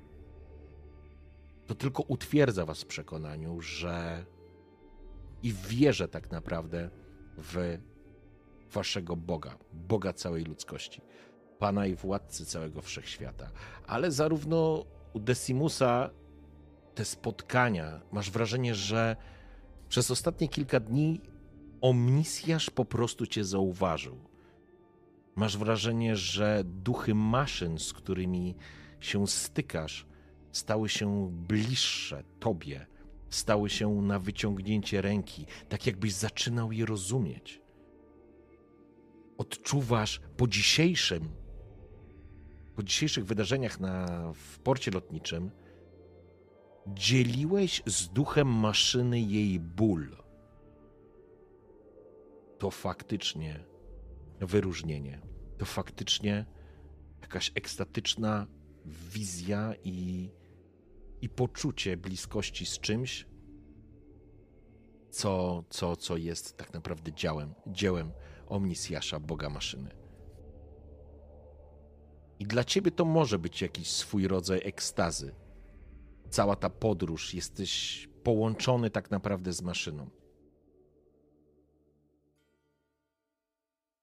Kiedy opuściliście prowincję Febe, lecicie nad wielką wodą, która im dalej, tym ciemniejsza, tym brudniejsza. Tym wszystko to, co się dzieje przed wami, jest. To nie jest przeskok pomiędzy oborą, czyli tym, tą dzielnicą dla biedoty, to znaczy nie dla biedoty, dla robotników, a Febe. Wlatujecie na zupełnie nowy kontynent. Kontynent, który charakteryzuje się potężnymi konstrukcjami, wielkimi żurawiami, które pną się do góry na setki metrów. Potężne, ogromne frachtowce, które odbierają z takiego lotniska przemysłowego, nazwijmy to w ten sposób, no, miliony, miliony kontenerów, miliony skrzyń z mięsem, z przetworami, z tym wszystkim. Obok tego lądują inne, które dostarczają z innych planet żywność dla tej trzody. Minęliście niekończące się pastwiska. Miliony wołów satyriańskich. Deluxe, klasa, rarytas to nie jest mięso na stół byle kogo. I potężne przetwórnie, ubojnie i ten smród, który możecie sobie na razie tylko wyobrazić, bo oczywiście filtry powietrza w statku działają. Niemniej jednak widzicie, że krajobraz jest po prostu jak po wojnie. Błoto, brud, skupiska ludzkich bloków, właściwie bloków, w których mieszkają robotnicy tych, e, e, tych, e, tych faktorii, tych, tych, tego, tego całego kompleksu. To jest po prostu jakby takie wielkie mrowisko, które się ciągnie w jedną i w drugą stronę. I tylko na horyzoncie, wśród chmur, wśród oparu, wśród brudu, błota, prawdopodobnie smrodu, stosów jakichś odpadów, które piętrzą się na potężnych jakichś takich kopcach. To wszystko to jest ubojnia. To jest to, co się dzieje po drugiej stronie. To jest to, na tym zbudowane bogactwo jest satyra. A Tidus III tak bardzo próbuje się od tego odciąć. Koordynaty, które zostały podane. Jeszcze tylko jedna rzecz. Tork, na pewno podpiąłeś swoje akumulatory i myślę, że e, również Regulus, ty też masz broń laserową. Um, ja wcześniej te magazynki z, y, zebrałem z truchła jednego z żołnierzy, także ja mam full clipy. E, tak, ty, ty wziąłeś ze sobą, ale ty masz jeszcze te swoje stare. Myślę, że ich nie wyrzuciłeś, bo możesz je podpiąć pod ładowanie tak naprawdę teraz w, w okręcie i przez, całą, Mhm. e, przez cały czas tej e, drogi e, one po prostu się naładują, więc będziesz miał, będziesz miał je e, naładowane. Full 6 i mogę sobie odznaczyć te dwa Tak, i sobie wpisz po prostu w, w, w ekwipunku. To jest ten moment, w Mhm. którym wy mogliście, e, wy mogliście Mhm. to zrobić. Pytanie, czy wy macie jakieś obrażenia? Ja, ja mam jeszcze jeden na minusie. Ty masz jeszcze jeden na minusie, więc tobie też to, to zejdzie ci Decimus do zera, w sensie Ja też mam jeden na minusie. także jesteś na full, e, Regulus? U ciebie jest ok. W porządku. Czyli w ekwipunku mam plus dwa magii, e, a i leczę się do dziesiątki, tak? Do tego, po, po, do tej e, wyjściowej... em, Tak, tak, tak, dobrze. Mhm. Mnie Okej. chirurgon połatał na wylocie jeszcze tam w tej dzielnicy, e, gdzie była rebelia. No właśnie tam nie połatał, bo ja miałem 7 na 10, połatał mnie za 2, miałem 9 na 10, to teraz mam Okej. 10 na 10. Dokładnie. Mijacie olbrzymie silosy, cysterny, tak naprawdę wszystko z tych wołów satyriańskich jest do czegoś. Skóry, krew, e, kości na mączkę i właściwie nic nie jest marnowane. Oczywiście dodatkowe, fantastyczne mięso, które wy jako akolici mogliście gdzieś już spróbować, będąc mm, akolitami, ale nigdy wcześniej. Niemniej jednak udaje wam się udaje wam się zbliżyć do jednego z opuszczonych, opuszczonych pastwisk. Tak naprawdę to są zwały błota w tym momencie. Nie rośnie tu absolutnie nic. Wszystko, co mogło rosnąć i co mogło stanowić jakąkolwiek paszę, pożywienie dla tych zwierząt, w ogóle zapomnijcie, już tu nic nie ma. Jest tak naprawdę lądowisko, to znaczy lądowisko, to nie jest lądowisko, tylko to jest e, po prostu mm, taka zagroda olbrzymia, która teraz jest opustoszała.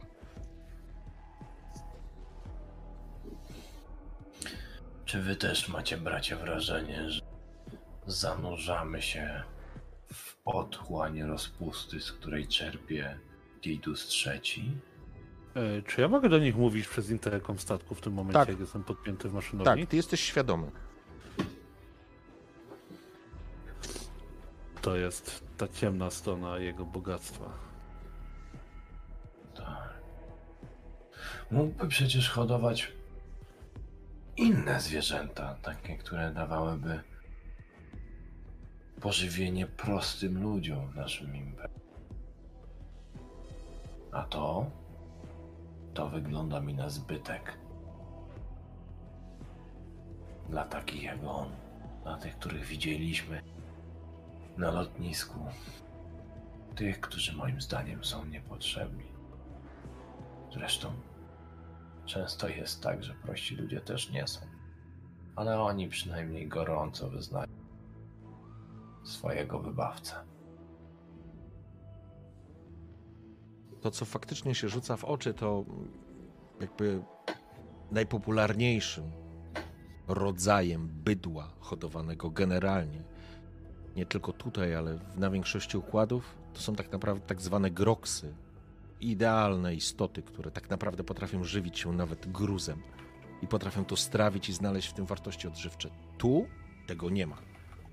Faktycznie bydło satyriańskie jest najwyższej klasy. To jest taka argentyńska wołowina, jakbyście stek argentyński chcieli sobie kupić. To jest takie dobre porównanie, myślę, nie? Nic mi to nie mówi. No to to jest najlepszy, najlepsza wołowina na stek na świecie, nie? Tak, tak. Wagiu! Mordo! Albo Kobe! Jestem wege. Mi to nic nie. A, no dobra, okej.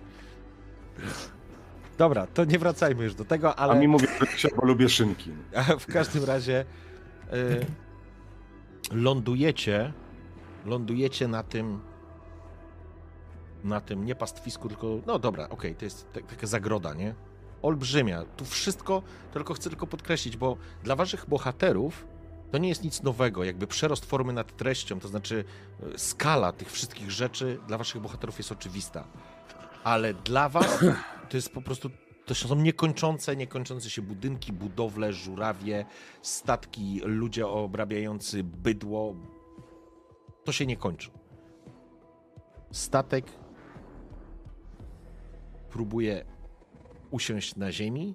Nie jest to tak idealne, jakby mogło być. Wstrząsnęło raz, drugi, trzeci. Diana osiadła na ziemi. Ja się nie odpinam p- zaraz po lądowaniu. Ja bym chciał zrobić. uspokoić ją trochę, podziękować mu e, i sprawdzić, co jest do naprawy, zrobić taki system check. Mhm. W porządku. Jest już, jest ciemno, jest, wylecieliście o 20. Myślę, że jest gdzieś koło pierwszej w nocy. Tak, e, wasze chronometry pokazują pierwszą w nocy. Księżyc ukryty jest pod ciemnymi chmurami, tutaj nawet nie ma tego blasku księżyca. Wszystko jest ciemne, brudne, szare, bezbarwne. Widzisz, Torg? Kazimir okazał się podwójnie słaby. Nie tylko porzucił posterunek w poszukiwaniu jakichś zbytków dla ciała, ale również kochał kogoś innego niż imperator. Choć tak twierdził. Ta cała Diana. Myślę, że ten statek nie nazywa się tak przez przypadek. Widzisz, drogi Regulusie, przez chwilę miałem wyrzuty sumienia, że nawet po jego śmierci go jedziemy. Teraz te wyrzuty zniknęły. Niczym. Brak wiary w imperatora, który nigdy nie nastał i nie nastanie. Chirurgon się nie śpieszy, z tego co widzę. Na infoczytniku pojawiają się, wiesz, po prostu kolejne informacje, kolejne raporty o uszkodzeniach, poszycie, uszkodzenia. Trafione zostały jakieś elementy, które też wymagają naprawy i będzie to, to już nieistotne, ale jest zestaw po prostu uszkodzeń, który po prostu wyłapujesz i zdecydowanie zdecydowanie ten e, statek wymaga naprawy. On potrafi polecieć, on jeszcze poleci, ale jest uszkodzony. Dobra, to, to ja się odpinam i, i wychodzę do nich. W porządku? Wy siedzicie w kokpicie? Regulus i Tork? Ja myślę, że ja chętnie wyszedłbym na zewnątrz, Okej, jeśli taka była w możliwość. porządku. Kiedy otwierasz klapę, ona tak z syknięciem po prostu się otwiera powoli. Promień światła tak naprawdę pada w ciemność. Dostrzegasz błoto, masę śladów e, po kopytach, wszystko wdeptane w ziemię i natychmiast uderza w was fetor. Ale fetor, którego nigdy w życiu nie czuliście. Obrzydliwy smród rozkładających się szczątków, ekstrementów, odpadów chemicznych. Smród jest niewyobrażalny. Do tego stopnia, że poproszę, żeby każdy z Was sobie rzucił na. Na kondycję. Kondycję? Zaraz zobaczymy, czy to jest kondycja. Tak. Tak? Okej. Ja nie pamiętam, czy ja mam twarz schowaną za maską, czy nie. Mm, Maski jako takiej przeciw, przeciw gazom, zatruciom czy czegokolwiek takim nie masz. Stanisław, tobie się nie udaje, w sensie reguł i Torgowi również. Możecie forsować jak chcecie, ja chętnie przyjmę kości chaosu. Nie. Nie, nie Okej. W porządku.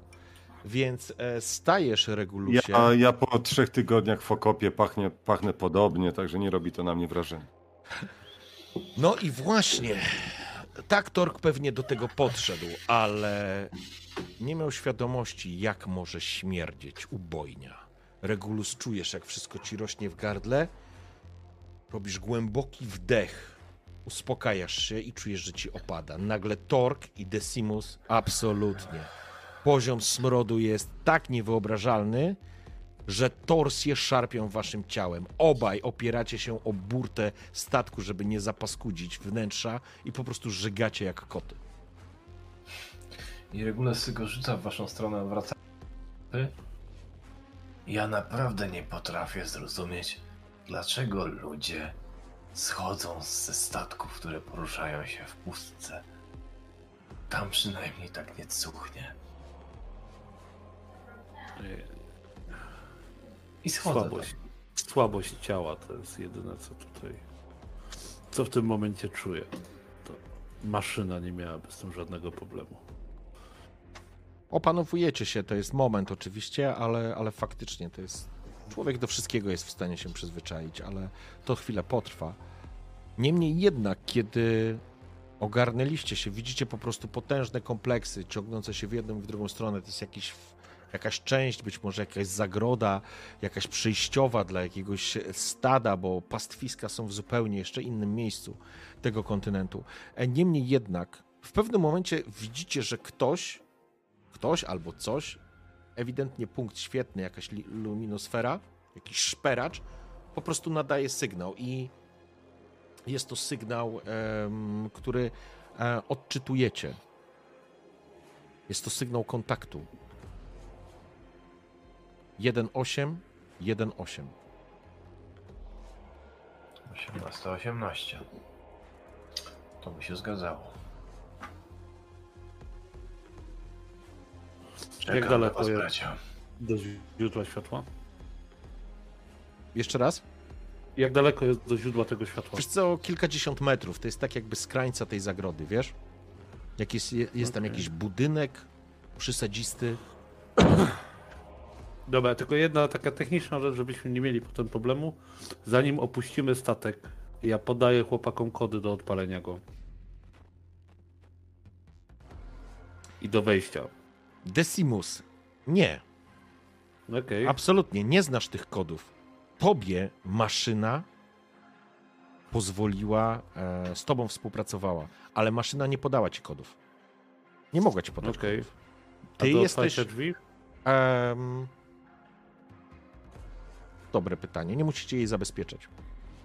Chyba, że chcesz. Nie, ty masz zabezpieczenia. Okej, drzwi możesz zamknąć Mm. bez problemu. Ja wolę ją zabezpieczyć po prostu. porządku? Ja nie- W porządku. To się absolutnie zgodzę, ale wiesz, ona po prostu na poziomie zupełnie innego połączenia Okej, z tobą okej. funkcjonowała. Nie, nie, nie, nie, nie, ma problemu. Nie ma problemu. Chodzi mi o to, żeby mogli wejść beze mnie na pokład. Niekoniecznie Mhm. odlecieć, ale chociaż Okej. wejść na pokład. W porządku, jesteś E, mistrzem Bior, biorę swoją czaszkę, tą dodatkową zostawiam na, na pokładzie. Okej? Ruszacie? Myślę, że tak, nie ma. Okej, w porządku. Tork, dostrzegasz coś w tej ciemności? Ja nie wiem, czy on nie ma jakiegoś rodzaju wizji na tym swoim. e, Ja mam magnokulary razem z no lornetką, właśnie, No właśnie. także e, rozświetlam e, ciemność między nami. W porządku. Snop światła odpowiada tak naprawdę. Czy chcesz nadać jakiś sygnał bezpośrednio w stronę tego kogoś, kto nadaje sygnał do was 1818? Ja Czekaj, nadaję sygnał, e, Czekaj, czekaj, sygnał. czekaj, czekaj, czekaj, czekaj, czekaj, czekaj, czekaj, czekaj. Wszystko szlak trafi. Kurwa. Gdzieś to mam. Moment, moment. Yy... Fuck. Przepraszam was, ale naprawdę zaraz... Czego szukasz, to No, może ci pomogę. No, my mieliśmy hasło, nie? A, bo to było hasło, które, żeby odebrać tamten. Tak, to były hasła do, do odebrania waszych papierów i prezentu ślubnego. Krzykniemy Thunder i będziemy liczyć na Struck! Eee, Dobra. Czy coś To nie, nadajecie w drugą stronę? A, hasło było wesele, okej, ale to nie to. To nie o to chodzi. Znalazłem. Ja po prostu swoją latarką, e, korzystając z polowego alfabetu Morsa, wysyłam sygnał, e, e, żeby, żeby ta osoba się ujawniła, przedstawiła. Na razie nie korzystając z mowy, żeby, żeby, żeby się nie zdradzać. Okej, w porządku. Widzicie, jak pulsacyjnie nadaje tork w tamtą stronę. Po chwili z drugiej strony odpowiada znowu 1.8, 1.8. Być może to maszyna. No to ja po prostu wysyłam w tym momencie w 1.8, e, 1.8 czyli 1 plus 8 plus 1 plus 8 to nam daje 20. Wysyłam 20 szybkich sygnałów, że policzyłem równanie. 18. 1, 8, 1, 8. To jest 1, 2 razy 8 plus 2 razy 1. W porządku. E, 18. Wciąż jest 18. ile wy macie tych punktów przeznaczenia? Kosmicznie wysyła jednak 18 szybkich wiązek światła. No to trochę jeszcze mamy, no. Okej. Błysk światła ucicha. To znaczy ucicha. Przestaje błynykać. Biegiem. To z kilkadziesiąt metrów jesteśmy Mhm. w stanie do, do myślę, że szybkość. Biegiem! Dobrze. Okej. biegniecie, skracacie dystans w stronę zabudowań. Okazuje się, że to są te zabudowania, to jest taki zadaszony, potężny, długi na całą długość tego, tego pastwiska, tej zagrody. Um, tak jakby koryto, tak, to jest chyba najlepsze określenie. Koryto do, z, do wody. Ono ciągnie się wzdłuż e, całego ogrodzenia. I w momencie, kiedy wy się zbliżacie i jakby mm, Tork oświetla tak naprawdę tą swoją latarką, ona cały czas tak lata, e, w pewnym momencie słyszycie stać!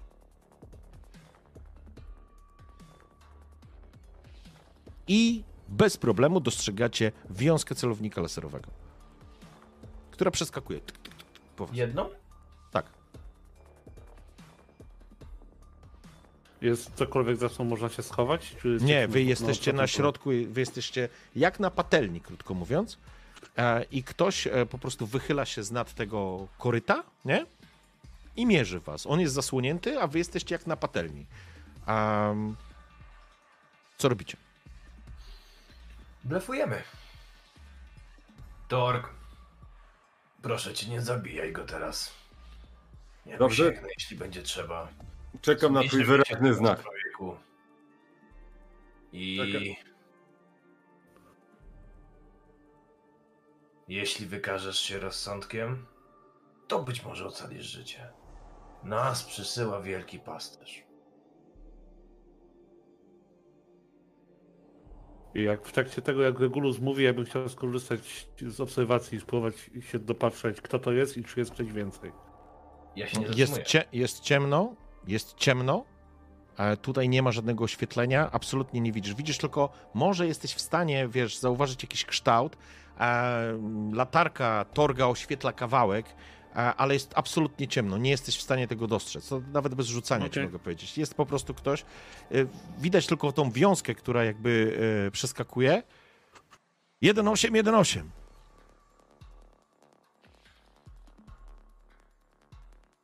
Skąd wiedzieliście o tym? Bo to my odebraliśmy komunikat. Bo to do nas ten komunikat był skierowany. Opuść broń, bo on cię zabije. A My przyszliśmy tutaj pomóc. Tork, powstrzymaj się jeszcze chwilę, proszę. Manipulacja. I blef. Mhm.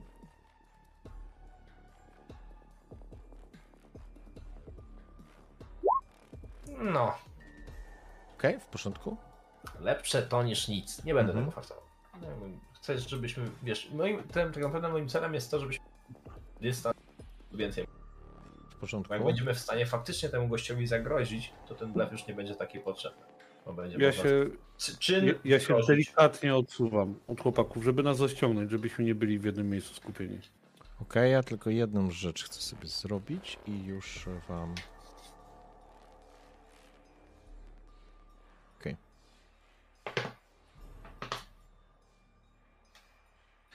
Widać, że celownik obniża się, nie? To znaczy gaśnie. Po chwili włącza się taki szperacz, który snopem jasnego światła oświetla was wyraźnie. Cieszę się, że dotarliście. Straciłem już nadzieję. Po czym za tego koryta wstaje mężczyzna. Jest sama, karabin laserowy w jednej ręce, a w drugiej ręce taką, taką mm, tak, dokładnie taki szperacz, nie?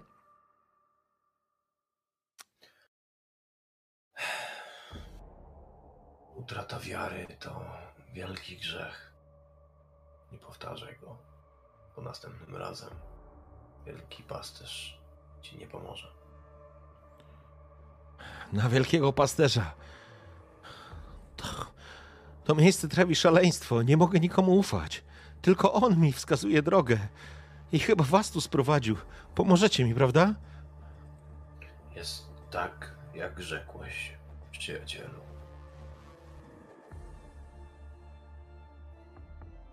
Podchodzicie do niego, co robicie? Tak, ja się cały czas do niego A, zbliżam. okej, w Cały porządku. czas jakby, wiesz, ja się nie zatrzymuję. Cały czas się do niego zbliżam. Zakładam, że stali będą wierzać tej sytuacji, ale ja chcę skrócić do niego dystans, bo jak ja będę blisko do niego, to już będzie w mojej, że tak Mhm. powiem, mocy. W porządku. To znaczy, y, on wyszedł za tego, za tej kryjówki, że tak powiem, już nie jest, e, u- nie ukrywa się. Stoi z tym szperaczem, jakby oświetlając was. Nazywam się Primus.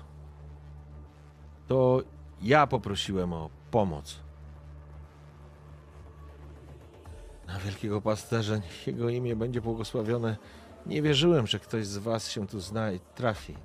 Kiedy podchodzicie bliżej, i on jakby zaczyna rozumieć, że faktycznie.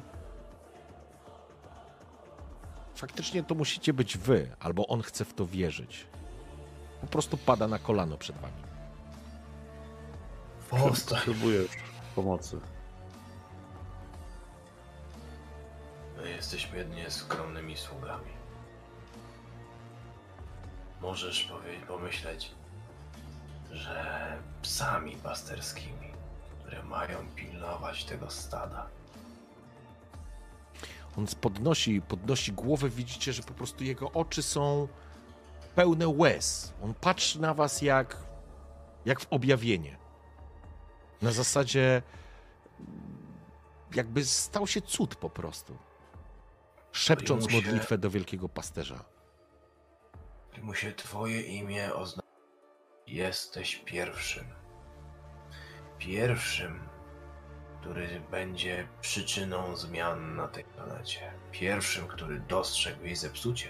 I pierwszym, który postanowił je powstrzymać. I twoje modły zostały wysłuchane. Jestem już wystarczająco blisko niego? Tak, on, on klęczy przed wami, nie? Tork, sprawdź go. Podchodzę, klękam, sprawdzam, poprawiam latarkę, przeczesuję jego ciało. W porządku. Mm, Sprawdzasz, co, e, co, co znajdziesz przy nim. Tak naprawdę nic, co by zwróciło Twoją uwagę. Parę jakichś rzeczy osobistych, ale em, jakiś czytnik, jakiś, e, pewnie jakiś kluczyk albo jakiś. e, Mogę ten czytnik dać e, Decimusowi do jakiejś analizy, czy nie ma to żadnego znaczenia? Nie, nie, możesz dać, oczywiście. Mówię, Decimus, patrz, sprawdź tak byś mógł, ty się na tym znasz. Bez słowa biorę go po prostu do ręki i zaczynam sprawdzać, co to jest. W porządku. Jest to najzwyczajniejszy czytnik, to znaczy najzwyczajniejszy. Po pierwsze, od razu widzisz, że zwykły robotnik nie miałby prawa używać takiego e, sprzętu. Po prostu nie byłoby go na niego stać. Naj, najnormalniej w świecie. Po drugie, e, Tork, kiedy ty przeszukiwałeś e, Primusa, zauważyłeś, że jego ubrania są lepszej jakości niż e, ubrania zwyczajnego człowieka, zwyczajnego robotnika. Regulus wśród pospólstwa nikt nie nazywa się Primus. To ja po was posłałem, prosiłem Manuela, żeby sprowadził pomoc. Tidus, to mój stryj. On oszalał. Zabił moją matkę. Mój ojciec. Musicie mu pomóc. Wszystko wam powiem. Mów zatem. Mężczyzna wstaje. To znaczy, o ile mu pozwalacie, nie? Faktycznie, karabin jest po prostu karabinem laserowym. Ten szperacz po prostu w tym momencie leży w tym błocie. On po kolana zapadł się, to znaczy, wiesz, klęcząc po prostu w połowie uda, po prostu zapadnięty jest w tym błocie, wy też po kostki albo i wyżej. Szanowny- Powoli zsuwa się mój wizjer, zanim on zacznie Mhm. mówić, powoli zsuwa się mój wizjer, ja patrzę mu głęboko w oczy.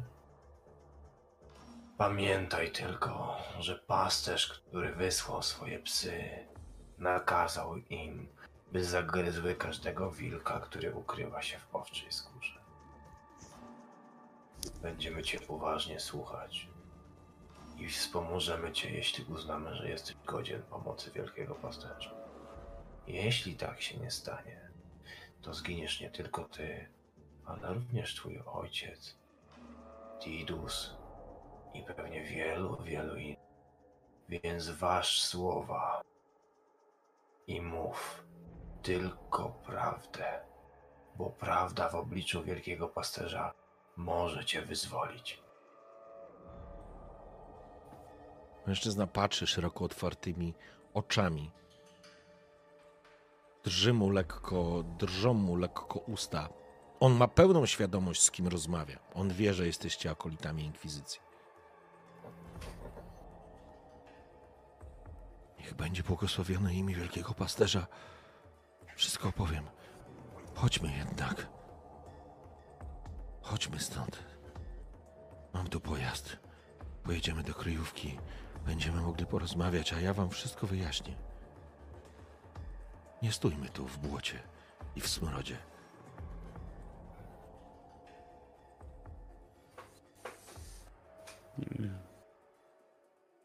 Gdzie jest ten pojazd? Pokazuję palcem za płot i widzisz, że faktycznie jest jakaś droga dojazdowa.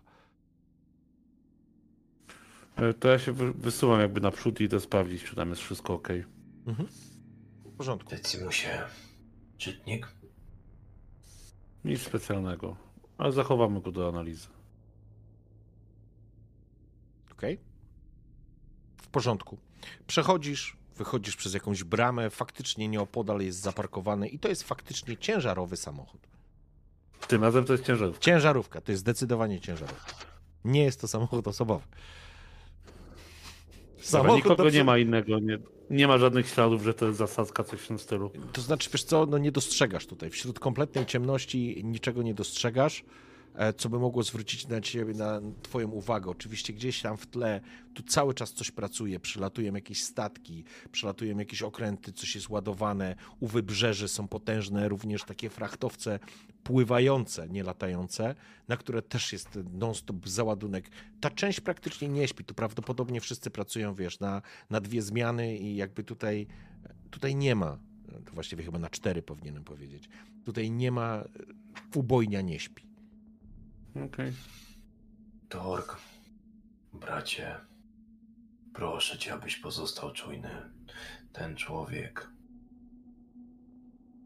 Trudno powiedzieć dlaczego i przeciwko komu chce kolaborować.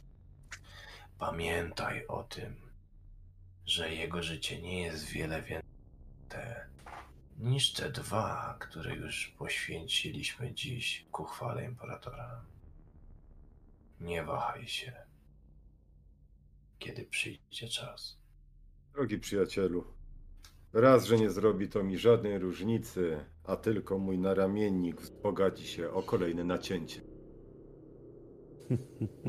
On przerażony, ponieważ mówicie to przy nim, on po prostu e, nawet Ale nie chce... ja, chciałem, ja chciałem tak zawalować, żeby nie prost, nie? Że kogoś tam wykończyliśmy czy coś takiego, licząc, że on może nie do końca. Znowu cię zrywa, znowu cię zrywa. Wiesz co, może dlatego, że się. Może spróbujmy zrobić jakoś tak.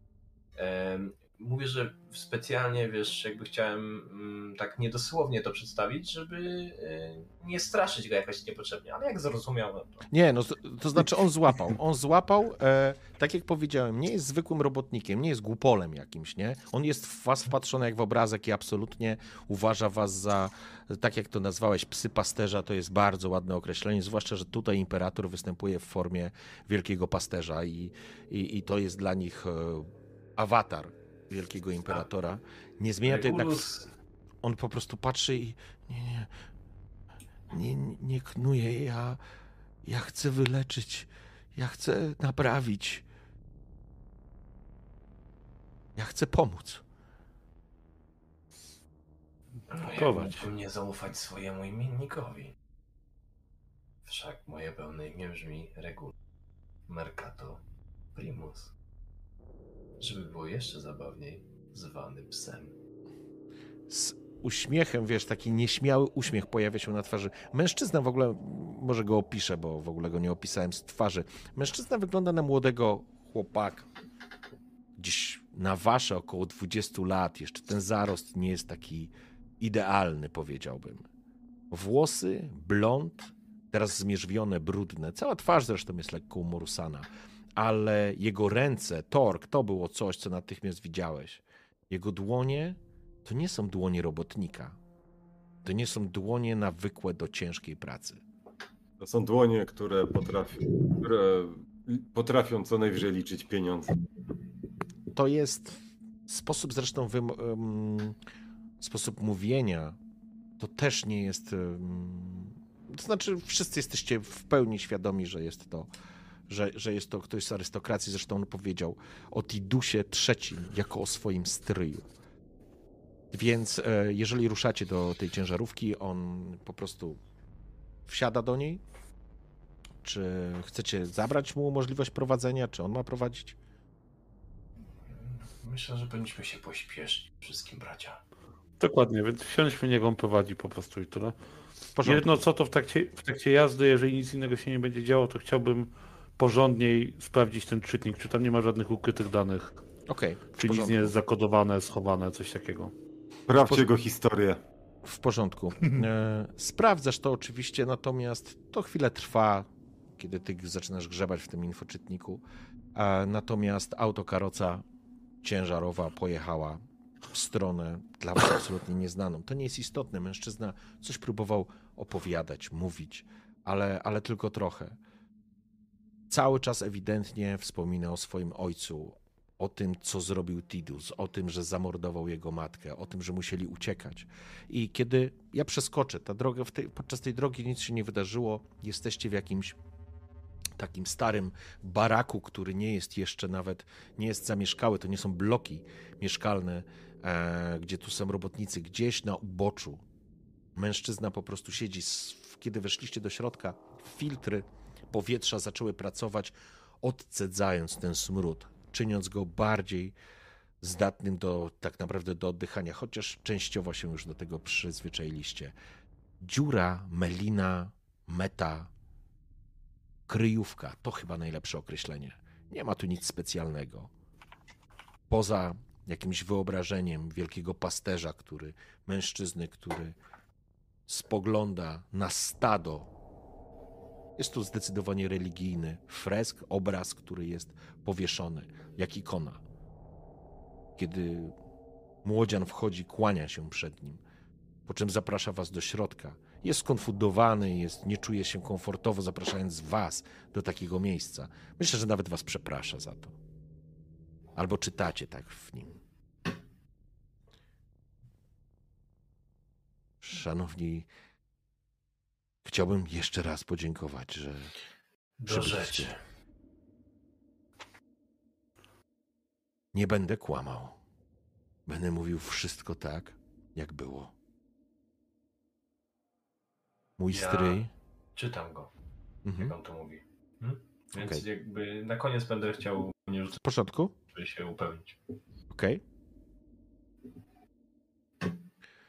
Mój stryj, Tidus III, całkowicie oszalał. Chce stworzyć swebę klejnot. Klejnot satyra. Całe życie miał kompleksy. Kompleksy, w które wbiła go jego własna żona, moja ciotka. Ona zawsze mówiła, że jest nikim, że jest władcą siedzącym na kupie gnoju.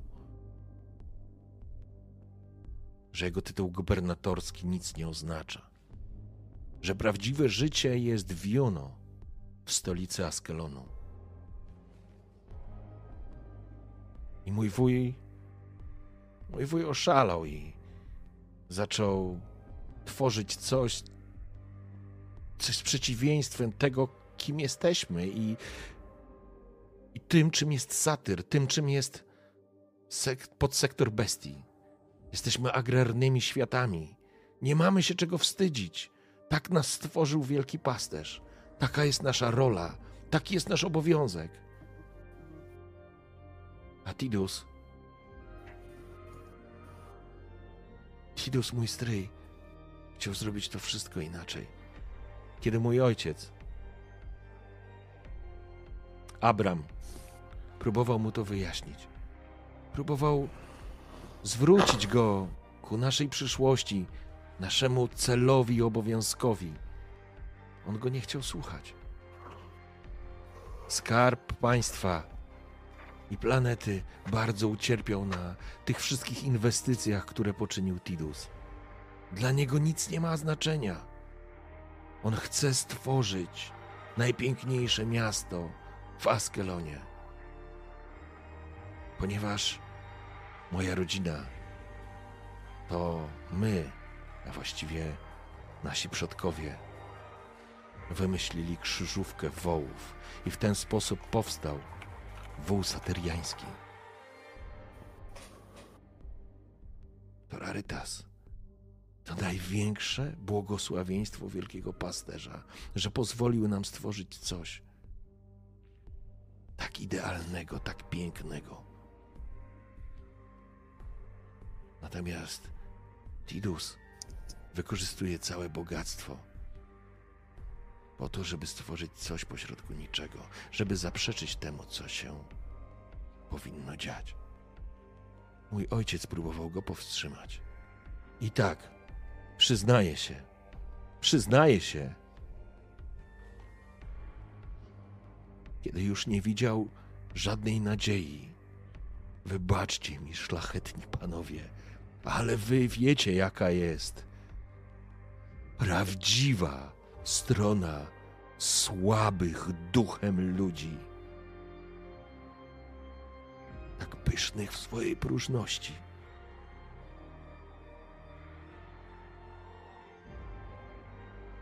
Urzędnicy, przekupni, zamykający oczy, daniny, które powinny być zupełnie inne. To wszystko się dzieje na ich oczach i za ich pozwoleniem.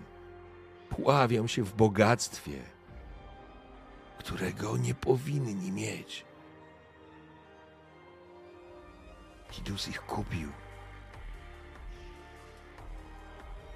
Kiedy mój ojciec chciał powiedzieć stop, przerwać ten niekończący się cykl, nie widział innej drogi jak bratobójstwo.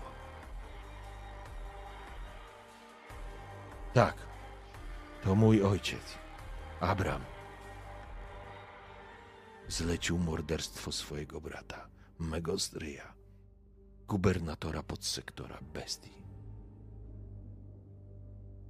I wówczas stało się coś dziwnego. Na wielkiego pasterza nie łże. Naprawdę tak jest, szlachetni panowie. Widzieliście więcej, rozumiecie więcej niż ja.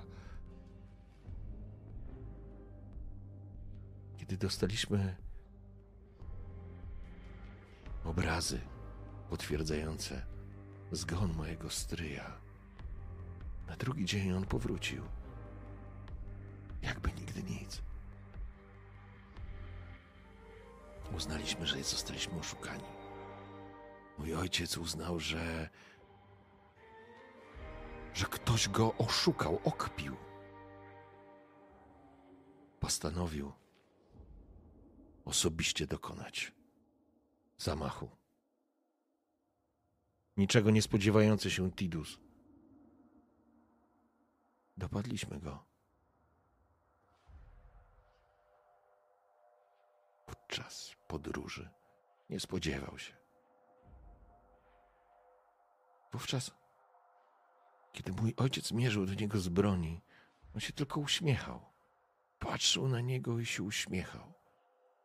Opowiadał mu, że że zginie. Mówił, niemalże się śmiał, mówiąc mu prosto w oczy. Do tej pory pamiętam te słowa.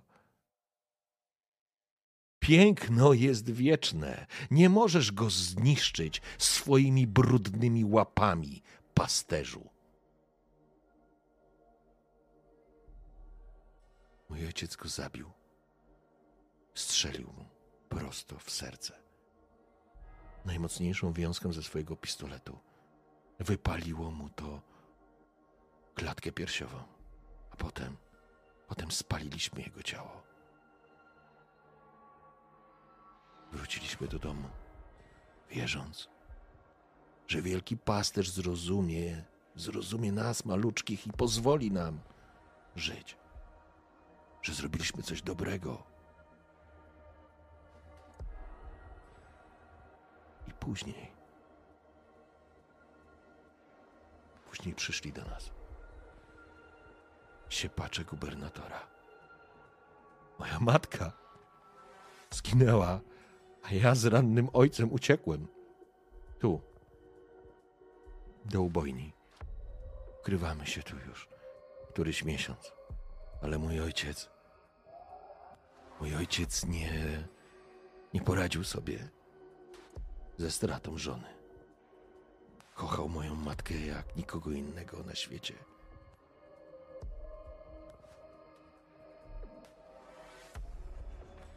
Jest tutaj taki chirurgon. Mówią na niego znachor, ale ma na imię Zachariasz. Mój ojciec udał się do niego i nigdy stamtąd nie wrócił. Kiedy z nim rozmawiałem jeszcze na początku, widziałem, że szaleństwo pożera jego duszę.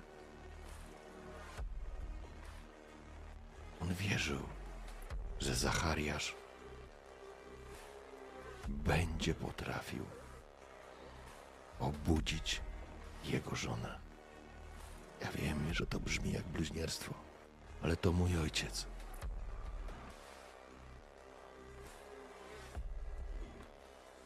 Mój ojciec wie wszystko o swoim bracie. Pomóżcie mi, szlachetni panowie, go odbić, wydostać z tej piekielnej otchłani.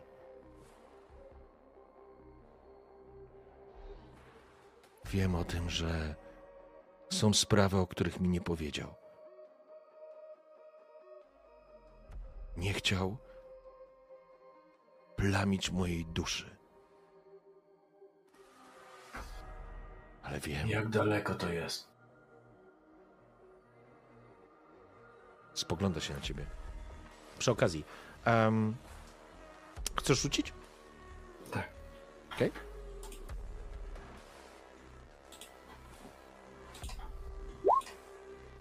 Okej. Ograniczony. Wiesz co? Mm, To jest dosyć ważne. I podbiję do trzech. Chcesz przerzucić? Nie, Czy- podbiję do trzech. Nie rozumiem. Punktem szczęścia mogę jeden sukces. A, dodać, w tak? porządku. Okej, sorry, nie Podbiję do skumałem. trzech, bo mam trzy. Dobrze. Mam trzy. Bo ten, tamten to jest poprzedni rzut. Mhm. Słuchaj, więc e, zdecydowanie, coś ten, zdecydowanie e, absolutnie Primus nie kłamie. Primus nie kłamie, ale masz wrażenie, że coś pominął, albo inaczej, to nawet nie jest, nie, masz krytyczny sukces, to nie jest kwestia, że masz wrażenie. Wiesz, że nawet nie to, że chciał coś zataić, ale nie powiedział coś jeszcze, jeżeli go dociśniesz, to może coś jeszcze powiedzieć. I nie wynika to, że on nie powiedział z tego faktu, że, że nie chce, że coś ukrywa albo planuje waszą zdradę czy coś takiego, bo absolutnie to wszyscy widzicie. On traktuje was jak, jak wybawców, jak ostatnie, ostatnią e, możliwość uratowania kogokolwiek. Ale E, ale może jest coś, czego się boi w konsekwencji waszych możliwości. Co wy moglibyście zrobić.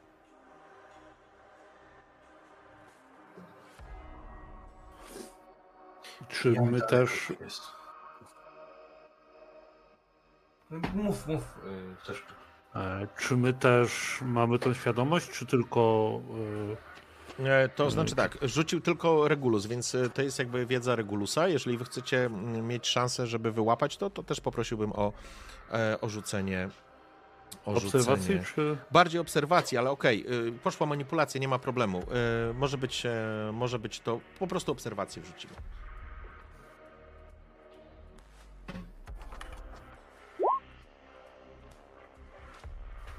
Więc okej, e, również Decimus coś zauważyłeś. Regulus, ty jeżeli ty rzuciłeś na, e, e, na, mm, na mm, empatię, manipulację, to jakby ta twoja informacja może nie jest taka szczegółowa na zasadzie tego, że absolutnie jest szczery do końca z wami, ale jest jakaś drobna obawa, która może powodować, że on ten strach również w stosunku do was, czego może nie do końca czegoś powiedział albo coś rozwinął, nie? Obawiasz się, Primusie. Niesłusznie. Nie okazałeś się być wilkiem. Wyba wybaczcie mi, szlachetni Jesteś owcą, o którą musimy zadbać, ale byśmy mogli zadbać o twoje stado, to ty musisz powiedzieć nam skąd nadeszły wilki. Gdzie są. I nawet jeśli widziałeś je wśród swojego stada, to wskaż je palcami, abyśmy mogli zrzucić ich przebrania i wymierzyć im sprawiedliwość pasterza. Jeśli tego nie zrobisz, to nie narazisz tylko. Nie narazisz siebie, Primusie. Narazisz całe stado. Wszystkich mieszkańców tej planety. Niezliczone setki milionów ludzkich istnień zależą teraz od tego, czy będziesz z nami szczery do bólu. Mężczyzna wybucha histerycznym płaczem. Wybucha histerycznym płaczem, zakrywa głowę. Wybaczcie mi, panowie, wybaczcie. Ja, ja nic nie ukrywam. To są tylko moje domysły, Mów! ale oni... Zachariasz... Zachariasz to zły człowiek. Nie wiem. To Adeptus Mechanicus, ale... Ale... Mówią o nim złe rzeczy. Jakie Po- rzeczy? Że podobno posługuje się plugawą technologią. Czerpie moc z źródeł, które są zakazane. Jeśli tam poszedł mój ojciec, on jest skazany. Wybucha histerią. E, taką historią, że się nie, nie może się opanować? Nie, czy- wiesz, on po prostu jest zrozpaczony tak naprawdę, nie? Jeszcze mam jedno pytanie do ciebie. Bardzo Mhm. podłączyć pod poprzedni rzut, albo mogę teraz. Ja bym chciał, badając emocje tego człowieka i rozmawiając, zrozumieć, czy on jest mi niezbędny, żeby pozyskać informacje. Znowu cię zerwało? Zerwało cię na Mówię, informację. Czy on jest mi niezbędny, żeby wydobyć informacje, których rzekomo ojciec mu nie przekazał? To znaczy, że ojciec mu ich nie przekazał i nie przekaże. I on sam w to nie wierzy. Czy to jest taka sytuacja, w której mimo wszystko to jest.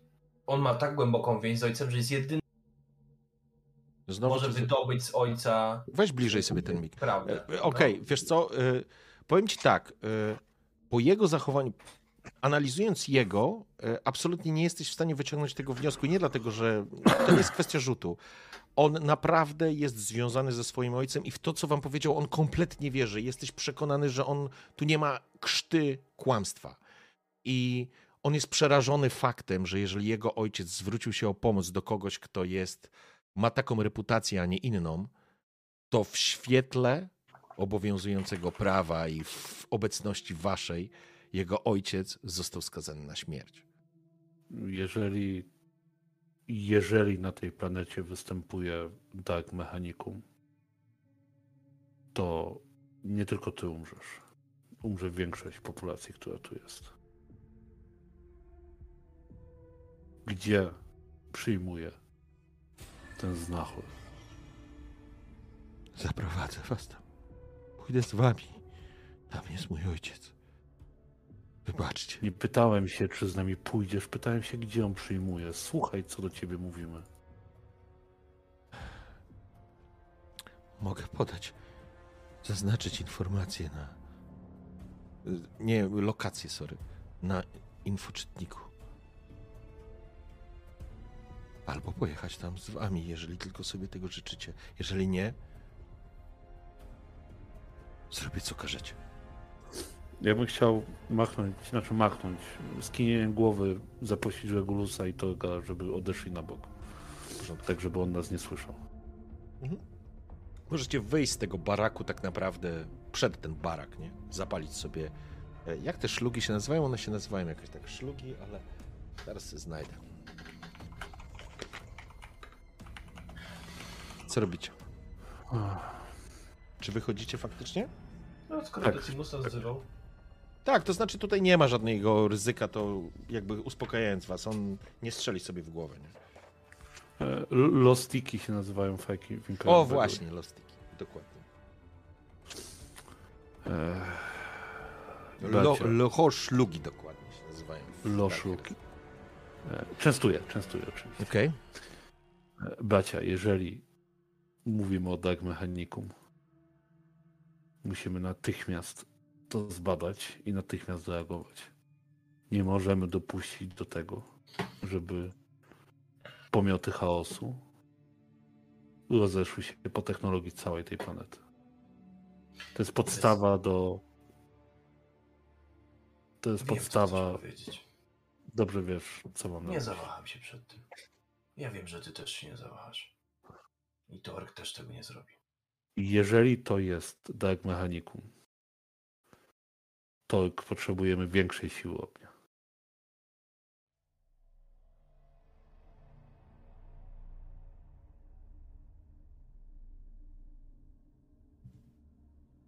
Tork, Ja jestem zawsze gotowy. Wszystko mam przygotowane i zawsze Co możecie na mnie liczyć. Mamy opcję. moim zdaniem są potencjalnie dwa źródła sygnału, którym... Albo jest to ów Znachor, który przez swoje... Jedna rzecz. Przepraszam, od razu ci uzupełnię, bo, bo to wie twoja postać na pewno. Mhm. Sygnał, o którym mówimy, który miał być zbadany, dobiegał z prowincji Febe. Okej. Zatem źródłem sygnału najprawdopodobniej były malwersacje Tidusa. Być może jego żona. Jestem prawie pewien, że chaos już gości na jego dworze. Ale zgadzam Jeżeli- się z tobą, Decimusie. Tak? Jeżeli Dark Mechanicum ma tutaj jakiegokolwiek przedstawiciela, to manipulacja kimś tak słabym jak gubernator lokalny nie jest żadnym wyzwaniem. Dlatego uważam, że tam powinniśmy ruszyć. Natomiast, żeby ułatwić sobie sprawę, niech Primus nas zawiezie na miejsce. Niech okaże się przydatny. E, tak, chciałem wam tylko powiedzieć i wy macie tego świadomość jako, jako adepci, e, jako akolici. Ktokolwiek, kto miał kontakt z Dark Mechanicum, musi być zabity, generalnie nie ma żadnej dyskusji. To znaczy nie. Widzisz, chyba mnie źle zrozumiałeś. Inaczej, inaczej. Inkwizycja w takim razie, wszyscy, którzy są inkwizytorami, musieliby od razu zostać ostrzeleni. To tak. Nie, nie mówię, nie mówię o nas, mówię o zwykłych ludziach, którzy A, no. to tam generalnie Dark Mechanicum to jest taki temat bardzo no-no i tam się Panowie, tak ale, samo... ale nie wchodzimy w e, E, dygresję. Wracamy do Regulusie masz, masz rację. Weźmy, weźmy Primusa. Na tyle, na ile możemy mu ufać, niech prowadzi samochód. E, Tork, chciałbym, żebyś się dobrze przygotował. Wszystko, co możesz, przygotował tak, żebyśmy mieli wsparcie ogniowe. Być może Nie on ma. posiada jakiś zapasny. Zapytaj go o to. Mm, Dobry pomysł. Tor, być może on posiada coś, co jest w stanie ci pomóc.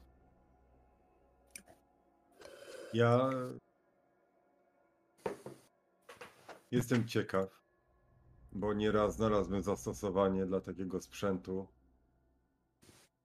Pytam się, czy nie posiada przypadkiem jakiegoś, przynajmniej jednego granatu. Nie no, spogląda się na ciebie i niestety taki, wiesz, że cię zawiódł. Niestety nie, jedyna broń, jaką dysponuję, pokazuje ci karabin laserowy.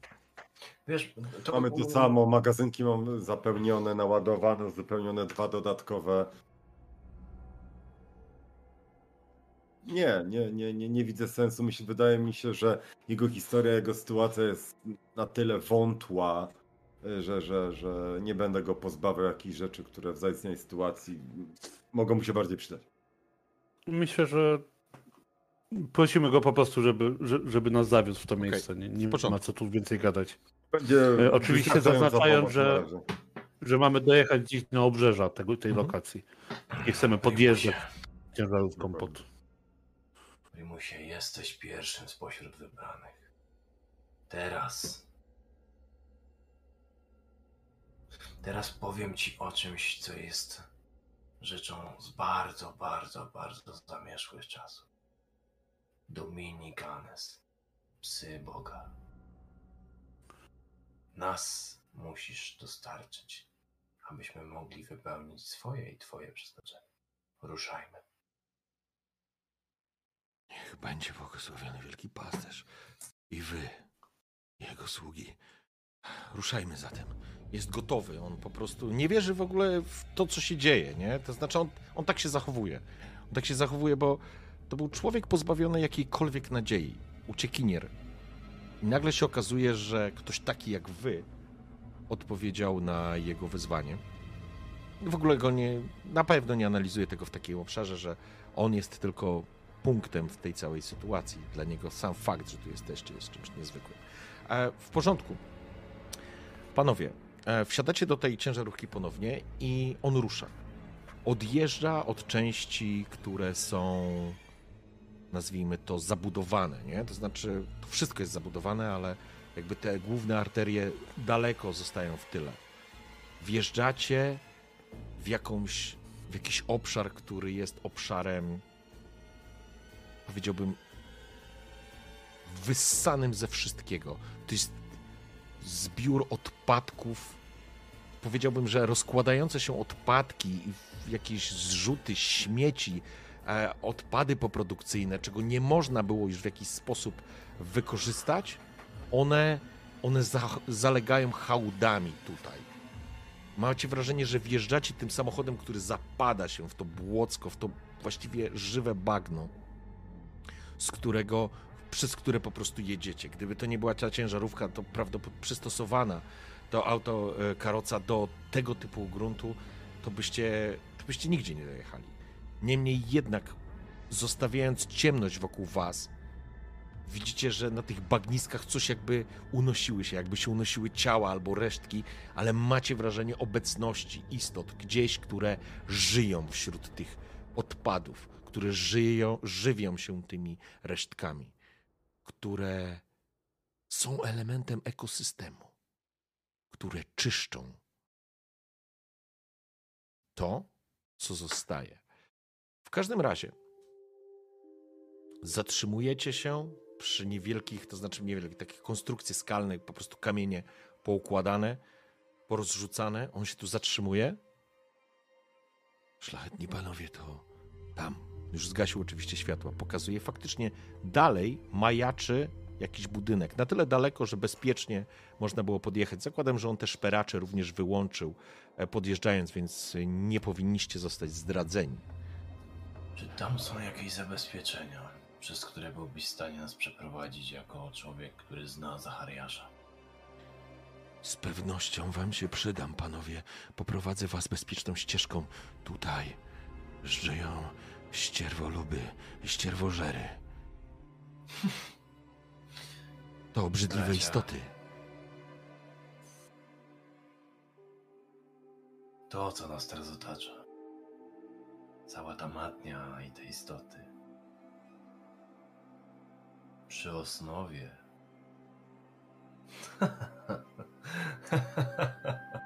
Chodźmy. Chodźmy. Wiesz, aż się, aż się wzdrygnął, jak powiedziałeś w ogóle coś o osnowie. Za, za, za, za mną. Zachariasz przyjmuje ludzi, przyjmuje petentów. Więc droga jest bezpieczna, ale nie wiem jak w środku. To jest taka stara reproduktornia. On, on tam urzęduje. Dobra, chciałbym się przyjrzeć temu budynkowi, czy, czy kojarzę taki schemat e, budynku. Wiesz co, mm, ty nie jesteś z agrarnego, ale myślę, że schemat faktycznie niski, przysadzisty, szeroki, reproduktornia. Tutaj faktycznie dokonywano inseminacji bydła, e, być może jakichś e, genetycznych badań nad tym bydłem, jakichś krzyżówek. Potężny hangar, po prostu niski, przysadzisty, potężny hangar. E, I, i ile wejść widzimy, że tak powiem? Wiesz co, do tego budynku pewnie jest kilkanaście wejść. Natomiast droga, która prowadzi wśród tego, tych ścierwolubów i ścierwojadów, jak określił to Primus, jest po prostu taką błotnistą, bardziej stabilnym e, drogą. No to nawet nie jest klepisko, to jest po prostu tak, jakbyś przez bagno, jakbyś taką groblą jechał. O, to jest chyba dobre określenie. I kiedy wyskakujecie po prostu z tego, z, tych, z tego samochodu, smród tu jest obrzydliwy, ale już się przyzwyczailiście generalnie do smrodu ubojni i po prostu słyszycie tylko takie słyszycie ruch, widzicie ten ruch. Torg rzucasz promień światła, coś się chowa w tym takim błocku, prześlizguje. Obrzydliwe, ale chłopak trzyma karabin. Za mną, panowie, za mną. Po czym rusza. Wasze buty grzęzną w błocie, wpadają głęboko. Jest to obrzydliwie smród. Macie wrażenie, że po rozkładających się trupach idziecie.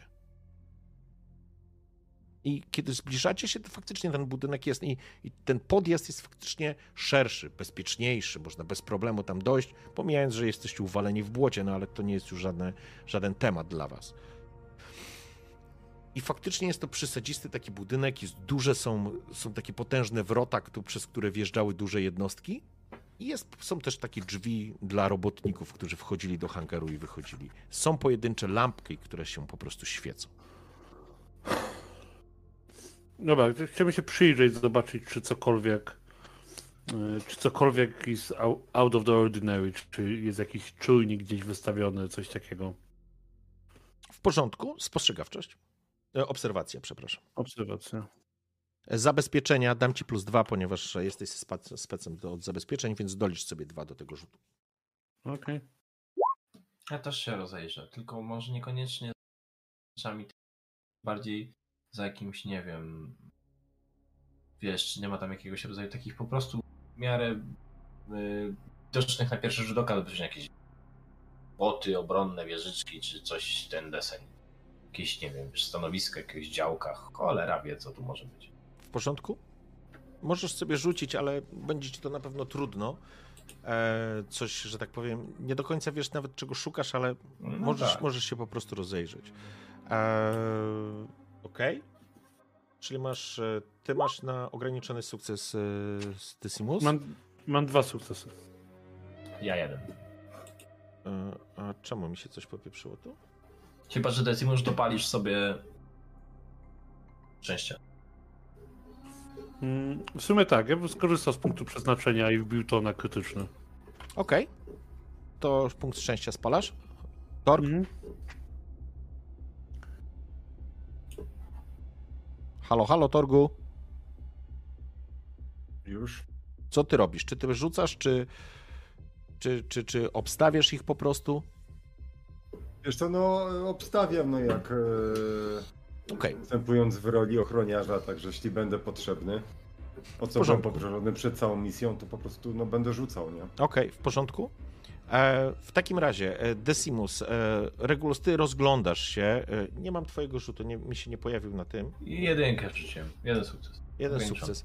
Okej, w porządku, więc ro, przyglądasz się, starając się coś znaleźć. Faktycznie znajdujesz e, urządzenie o, to się nazywa ob, obrazokrad, chyba dobrze, e, czyli system, nazwijmy to kamer, ale to się nazywają obrazokrady. Tak chyba, tak się to powinno ładnie nazywać. E, Ty natomiast, Decimus, natychmiast jesteś w stanie określić na krytycznym. E, Widzisz auspeksy, które są ustawione w, tym, w tej mazi, które natychmiast wyłapią przekroczenie tej linii, włączy jakiś system, e, może nie alarmowy, ale ostrzegania, że ktoś podjeżdża. I ty to dostrzegasz. Wiesz, gdzie to jest. E, Dobra, czy jestem w stanie poprowadzić wszystkich tak, żebyśmy to ominęli, czy nie? Wiesz co? Ty mógłbyś nawet spróbować wyłączyć to. Okej. Ja zatrzymuję gestem wszystkich i tylko cichym jest dużo zabezpieczeń. Bacia, czekajcie chwilę. I rzeczywiście będę próbował to rozbroić. Ok, w porządku. Więc znajdujesz takie dwa czujniki, czyli te auspeksy, które po prostu są, są, są, są elementami, które miały być systemem e, wczesnego ostrzegania, ponieważ ponieważ je znalazłeś, to nie będziesz rzucał. Po prostu zajmuje to chwilę. Po chwili rozbrajasz je. Droga jest wolna. Czy tutaj widać coś w osnowie? Osnowie. Tak, bo pomyślałem sobie, że jeśli tutaj jest tak mm, duże zgromadzenie Przerywa bardziej emocji, Wiesz co, weź ten... e, Jeszcze jedna rzecz, przepraszam, wejdziemy na chwileczkę w to. Słuchaj, weź zobacz ustawienia, e, głos i wideo no, i wyłącz automatycznie określaj czułość wejściową. Wyłącz i ustaw No. sobie na minus 90 decybeli. Na minus 90. I powinno ci łapać, bo mam, mam wrażenie, że to jest powód, e, że ci Dobra. mikrofon wycisza. Nie wiem, czemu ja się też Jestem tak na minus ostro 90. straciłem. Okej. W porządku. No dobrze. Zatem, yy, jeśli tu jest nagromadzone dużo złych emocji z, od strony tego Zachariasza, bo od strony tych ludzi, którzy go odwiedzają, Mhm. to być może gdzieś tutaj będzie widać. Jeśli widać, to na zewnątrz. A teraz właśnie na tym bym się chciał skupić. To Mhm. znaczy, że tam w środku jest naprawdę, naprawdę źle. I to przynajmniej będzie nam dawało jakiegoś rodzaju sygnał ostrzegawczy. W porządku. Słuchaj, e, przechodzisz, że tak powiem, to znaczy przechodzisz, to jest jakby automatyczne przełączenie się w, w sposobie widzenia świata, ale dostrzegasz, że jakby poziom tutaj e, tych nici osnowy nie jest rozproszany, ro- rozpraszany jakimiś zewnętrznymi źródłami.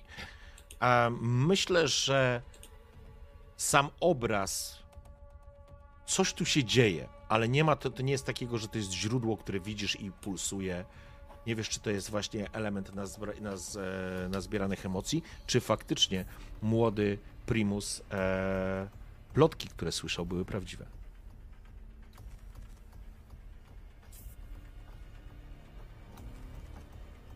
Podchodzicie bliżej? Tak, tylko z tego co mówiłeś, to tu są obrazokrady, więc Tak. zastanawiam się, czy możemy wytyczyć trasę tak, żeby się im nie pokazać. Ponieważ miałeś krytyczny sukces na, e, na obserwacji, jest taki obszar, w którym możesz przejść i będzie martwy, martwy kąt, który pozwoli wam podejść i uniknąć złapania w obrazokradzie, ale będziecie musieli przejść przez tą sadzawkę, nazwijmy, przez to bagno. Nie ma się co wahać, bracia. Nie, nie, w ogóle nie ma się co wahać. Okej. Muszę was ostrzec. Ale osnowa jest w tym miejscu wyjątkowo cienka. Jeżeli Dark Mechanicum tutaj działa, nie dziwi mnie to. E, Tak, niby kozacze, kozacze, ale do tego bagna to Torga puszczam przodem. Mhm. Ja wchodzę.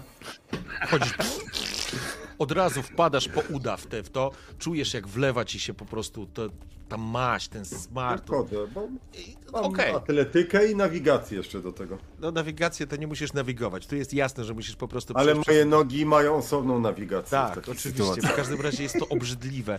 Przechodzisz, e, przechodzisz we wyzn- we wyznaczonym e, kierunku. Myślę, że za chwilę Regulus, Decimus i, i również e, młody Primus rusza tą samą ścieżką. Jest to obrzydliwe, ale jakby dla was poziom obrzydliwości jest zupełnie na innym... To jest inny punkt niż dla każdego Obrzydliwe, normalnego ale człowieka. akceptowalne. Więc e, w każdym razie dochodzicie do, podchodzicie do budynku. Widać obrazokrat, który funkcjonuje, ale jest po prostu stały i łapie obszar e, jeden konkretny, więc tutaj możecie podejść. Drzwi są boczne, do których podeszliście Decimus, musisz je po prostu otworzyć, ale kiedy zbliżasz się Regulus, widzisz, że nici, tak wiesz, tak zaczynają krążyć. Tu coś, tu coś się dzieje. Zdecydowanie coś się dzieje, coś, coś co wpływa na nici osnowy. Ale wpływa od wewnątrz. Tak, Czy to, czy to jest coś, co ja mógłbym uznać za jakiegoś rodzaju też strukturę, która ma, może ostrzec cokolwiek tam w środku nie siedzi? Rac- że raczej- jeżeli my się tutaj pojawimy... Ja, ja się... Bo ja, Moi towarzysze nie, ale jeżeli ja się tu pojawię, to czy to nie będzie yy, odczytane jako właśnie naruszenie tej struktury? Te nici są bardzo delikatne. Te nici są bardzo delikatne i to jest trochę tak, jeżeli e, jakbyś przeszedł po prostu, wiesz, przez dym, nie? I zostawił taką, wiesz, e, dziurę w dymie, który na chwilę się, coś zostało zakłócone. Wyobraź sobie, że to jest, że coś zakłóca z wewnątrz. Ty również samą sobą nie do końca mógłbyś, e, w, gdybyś użył mocy, e, mm, osnowy, oczywiście natychmiast rozbijasz to i dajesz, jesteś latarnią w ciemności, nie? Ale ty masz jedną rzecz, która może również ostrzegać. Jeżeli ktoś jest w stanie czytać nici osnowy, to to jest twój fetysz, który masz. Fetysz zrobiony z pazura tej istoty z labry. Dostałem go od Michela. Na samym początku swojej ścieżki. No więc chodźmy. Ja ten fetysz schwytam w dłoń i będę jakby. Mhm.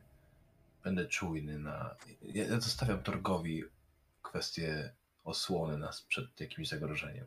Rozumiem, że Decimus absolutnie poradzi sobie z kwestiami technologicznymi. Ja zadbam o to, żeby osnowa nam nie przeszkodziła w dostaniu się do środka. W porządku? Zakładam, Decimus, że dla ciebie otworzenie tego zamka to nie jest kłopot. Masz e, również swoją serwoczaszkę, która cały czas przy tobie lata, więc otwieracie ten zamek, drzwi są otwarte. Zaglądam delikatnie do środka, bez, bez jeszcze bez wchodzenia. Otwierasz, otwierasz drzwi. Widzisz, że w środku panuje taki półmrok rozświetlany jaskrawo zielonymi luminosferami. I słyszysz buczenie. Znasz ten dźwięk. To jest buczenie różnego rodzaju maszyn. Serwosilniki gdzieś pracujące. Buczenie wentylatorów wchodzisz do warsztatu mechanikusa i wiesz o tym.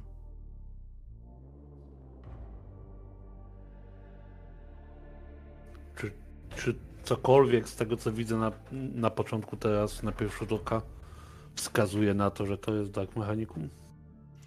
Kiedy spoglądasz się, zaglądasz do środka, cóż, może dla kogoś z zewnątrz chirurgiczne eksperymenty są elementem, który, który ludzie uznają za, za grzech. Ty, jako chirurgon, nie masz z tym problemu, bo widzisz na stołach poukładanych tam, gdzie te, ta, ta cała sala została zaadaptowana w takie dziesiątki stołów, na których leżą w różnym skła- y, sto- w sta- w stadium rozkładu różne elementy ludzkie, ludzkich ciał, które niektóre są żywe i pracują pod maszynami, a niektóre po prostu są trupami. No, to, to, to jeszcze nie jest herezja. Nie, nie, absolutnie, ale mówię, dla zwykłego człowieka, śmiertelnika, to co robiłeś ty jako chirurgon, podby- po- mogłoby, wiesz, być zrozumiane jako herezja. No dobra, to, to chciałbym się rozejrzeć jeszcze po wnętrzu, czy tam nie ma obrazokładów i jakichś czujników. Kiedy zaglądasz do środka, słyszysz takie mechaniczne chodzenie. Ołtem. I coś bardzo nieporadnie idzie. Spoglądasz i widzisz serwitora, który niesie po prostu ciało na takich. e, Jest to ludzki korpus zniekształcony, po prostu ma tylko wizjery zamiast oczu i mechaniczne ręce, które trzymają, trzymają ciało i niosą je.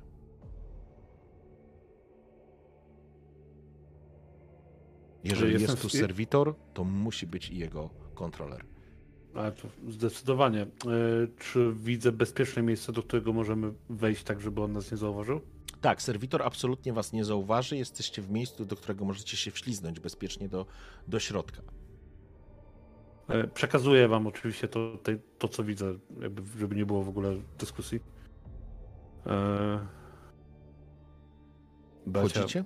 Czy co? Wchodzimy, ale trzymajmy się nisko. I, i blisko. W porządku?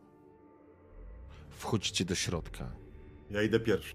Okej, broń wyciągnięta. E, gdzie puszczacie Primusa? No w środek. Myślę, że, myślę, że ja będę wchodził ostatni. To Primus idzie za Torgiem? Primus nie, nie Jest okej? przede mną. Ja za nim. Okej, w porządku. Więc Primus przyga przygarbiony idzie i słyszysz tylko, jak się modli. Kiedy wchodzicie do środka, Regulus, czujesz coś, co po prostu siada ci na klatce piersiowej i masz wrażenie, że zaczyna ci ją wciskać do środka. Osnowa wokół ciebie gdzieś zaczyna wariować. Masz wrażenie, że coś unosi się w powietrzu i coś, co nie przynależy do świata materialnego. Coś z immaterium tu jest.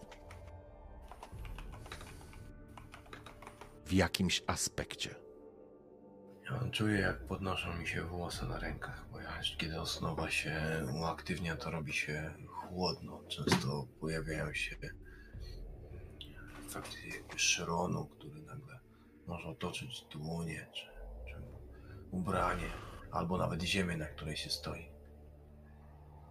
Ale ja na razie nic nie mówię moim towarzyszom, spróbuję się skupić i tak naprawdę idąc trochę na autopilocie, po prostu podążając za nimi ślepo wierząc yy, Torgowi, który prowadzi, Mhm. próbuję po nici osnowy dotrzeć do tego czegoś.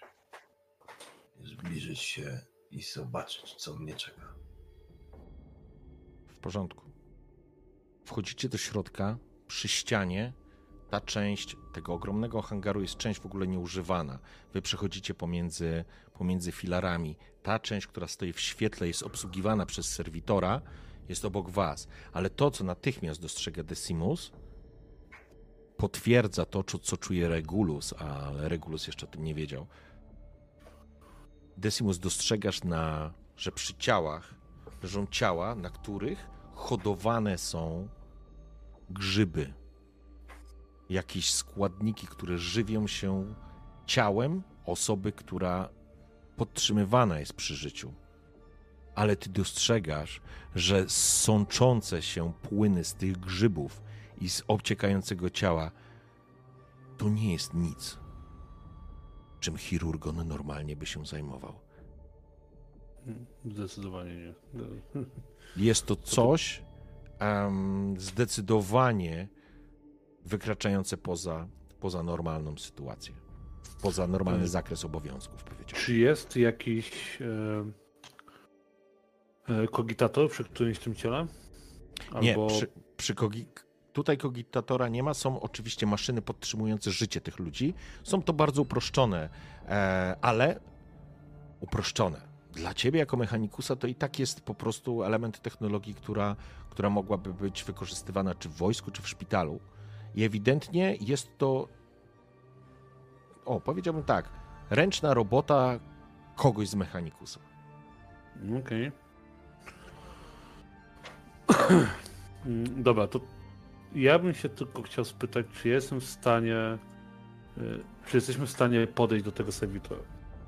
Y, Serwitor idzie. On idzie przez tą salę, po prostu on idzie w świetle, trzyma to ciało, jakby gdzieś szedł. Dostrzegacie teraz takie ramiona, które wystają przy wysięgnikach i one opuszczają się na przykład nad ciałami, coś robiąc, coś wkładając, przesuwają. Jest tutaj sporo tego typu ramion, które są autonomicznymi jakby jednostkami, być może zarządzanymi z jakiegoś kogitora, na, to znaczy na pewno zarząd, zarządzanymi w ten sposób. E, Dobra, e, Tork, Regulus. Jeżeli udałoby nam się przejąć tego serwitora, odpowiedziałby nam na dużo pytań. Czego ode mnie potrzebujesz, bracie? Musimy się po cichu do niego dostać. Czy ja jestem. Dobra, czy moja wiedza mi mówi to, czy jestem w stanie zhakować serwitora, czy nie? Byłbyś w stanie, gdybyś do niego podszedł i do niego się podpiął na hama i on w tym czasie nie wykonałby żadnych ruchów, które miałyby na celu ciebie zabić. E, tam, oj, tam już. Nie takie rzeczy. Nie, no oczywiście. Eee... Regulus, czy ty jesteś w stanie unieruchomić go?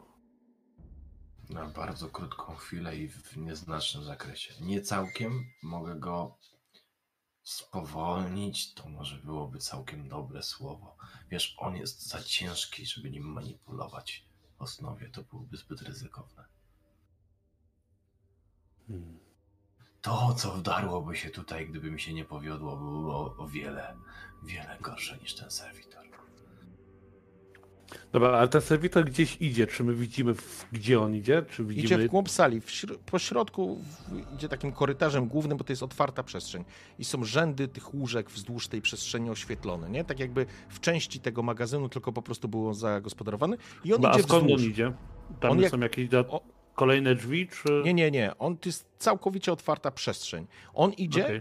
E, on szedł jakby od strony drzwi. Być może tam jest jakiś skład albo cokolwiek innego. Albo po prostu zabrał to ciało z jakiegoś łóżka, nie?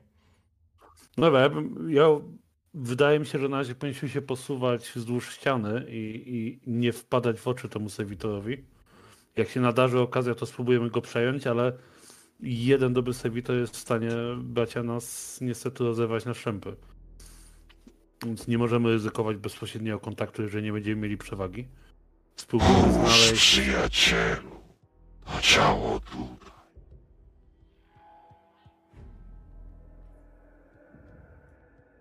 Z gdzieś z Skąd? sali. W dalszej z sali, części tak? sali. Tak. I widzisz, jak ten serwitor idzie. Trz, trz. I zatrzymuje się, zasłaniając postać, ale widzicie, że z nad tej postaci, to znaczy z nad tej, widzisz, tak, to zdecydowanie są mechandryty, które operują. Wiesz, one się teraz podniosły. I za tego serwitora jest jakiś mężczyzna, który musi być Zachariaszem. To on. To on. Dostrzegasz, że jego, jego twarz, to znaczy jest bardziej posuniętym, że tak powiem, w kulcie maszyny, tak przynajmniej wygląda, ale dostrzegasz, że jego twarz, na której teraz ma chyba ściągniętą maskę, widzisz, że jego twarz pokryta jest takimi bropiejącymi bąblami, które spływa z nich podobna maść jak z tych grzybów. A ty, Regulus, wyczuwasz bijące, bijące z tamtej strony, nie jakieś potężne źródło, ale czujesz emanację osnowy. Ten ktoś jest dotknięty osnową i nie jest psionikiem.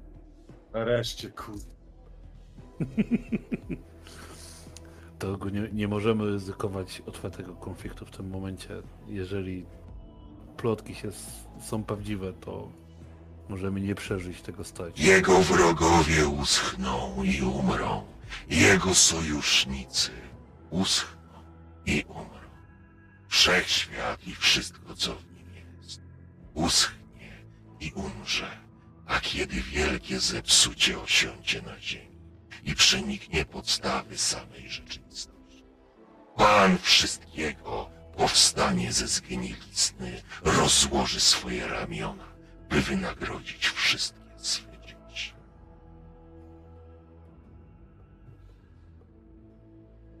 Chyba na razie mamy taką przewagę, że o nas nie wie. Posuwajmy się dalej w głąb.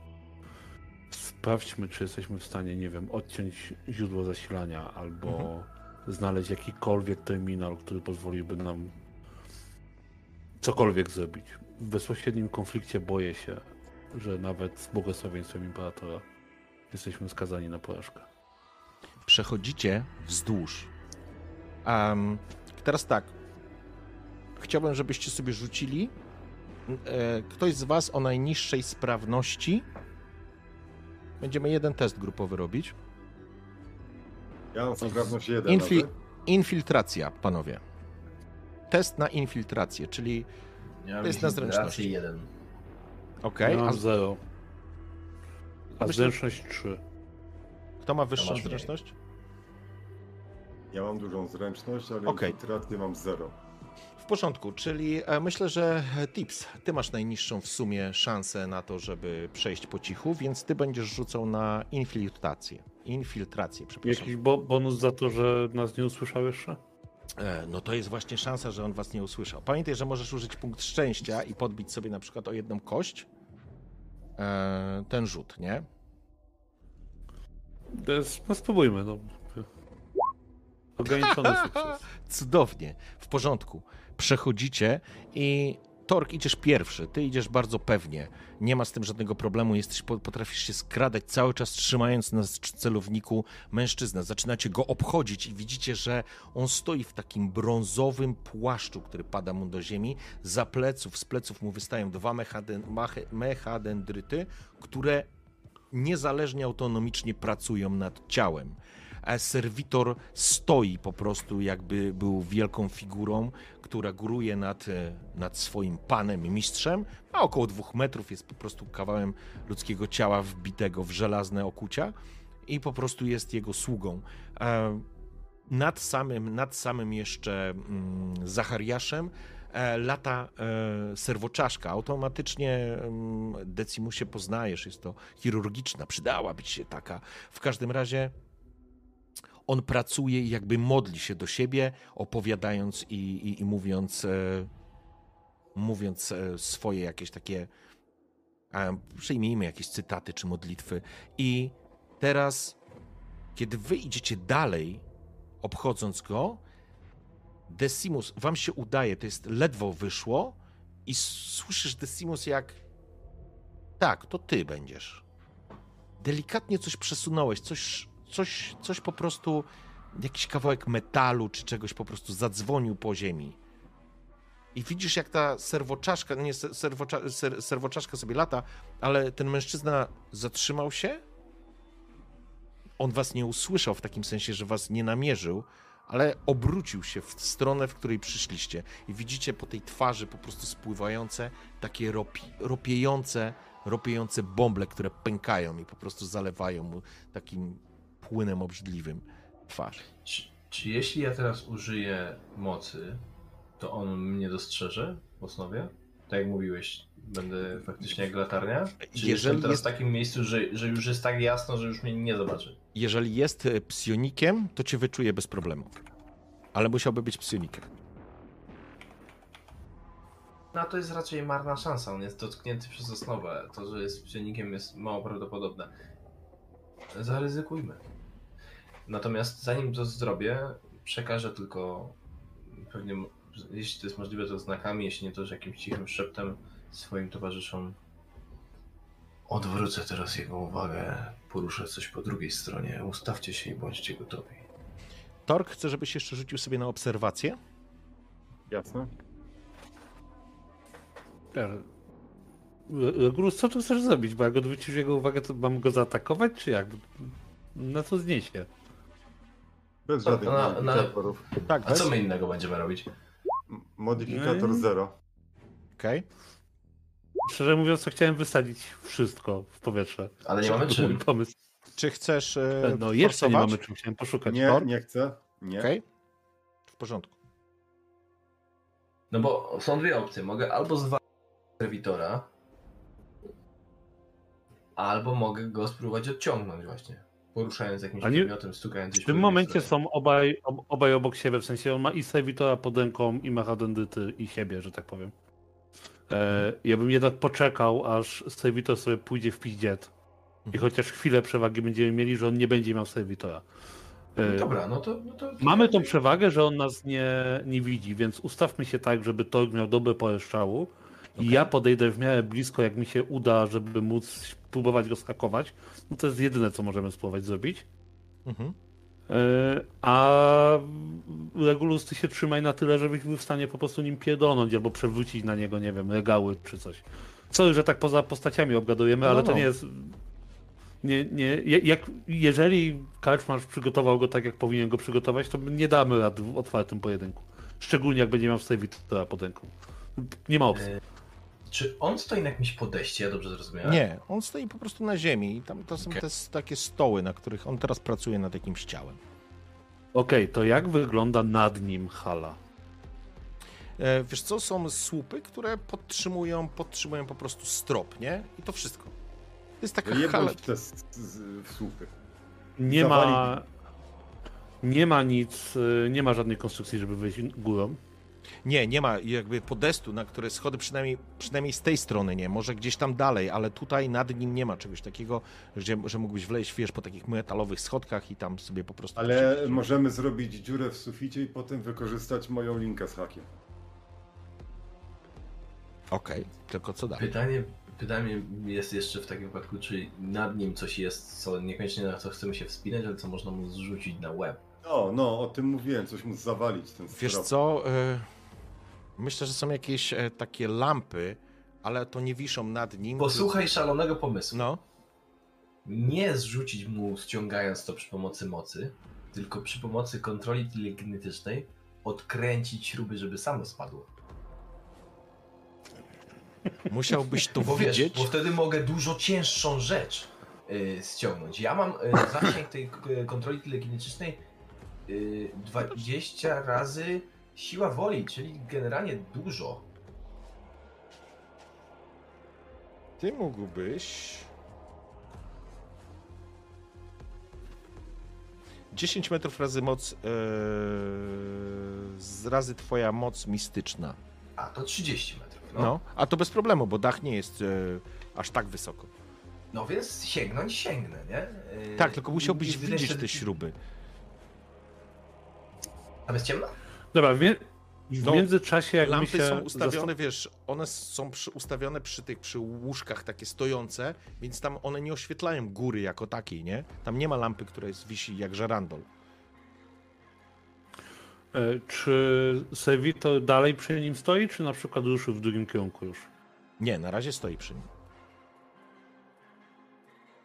Bacia mi się dalej wydaje, że najlepszą opcją jest spróbować najpierw przejąć Sevito, a potem walczyć, skonfrontować się z, Zgadzam się. z Tylko powiedz mi, stłoczeniem. jak go zwabić.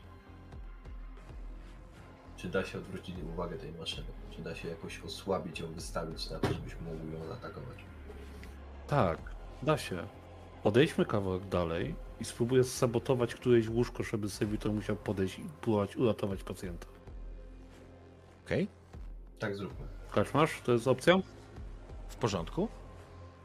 A ja będę Dobra, to przygotowany, żeby w razie czego cisnąć Szukam tym. łóżka, które jest jak najdalej od niego, ale tak dogodnej dla nas. Nie wiem, jak ci to wytłumaczyć. Okej, czyli bezpieczniej będzie, jak będziecie wchodzili w głąb tej, tej, tej, tej, tej całej tego hangaru, niż się cofać. E, Bo będziecie Ale teraz. jednocześnie chcemy zostać w zasięgu, tak żeby Tork miał dobrą linię strzału i żebym ja mógł właśnie, no nie wiem, albo spróbować go powstrzymać, y, czy miotnąć nim, y, w Okej. coś, albo czymś w niego. W porządku? Dobrze. E, odchodzicie kilkanaście metrów dalej, zostawiając go tak naprawdę za sobą, ale cały czas e, Tork masz go na widelcu, nazwijmy to w ten sposób. On w ogóle was jakby was nie zauważył, on pracuje nad jakimś ciałem. W pewnym momencie e, dostrzegacie następującą rzecz.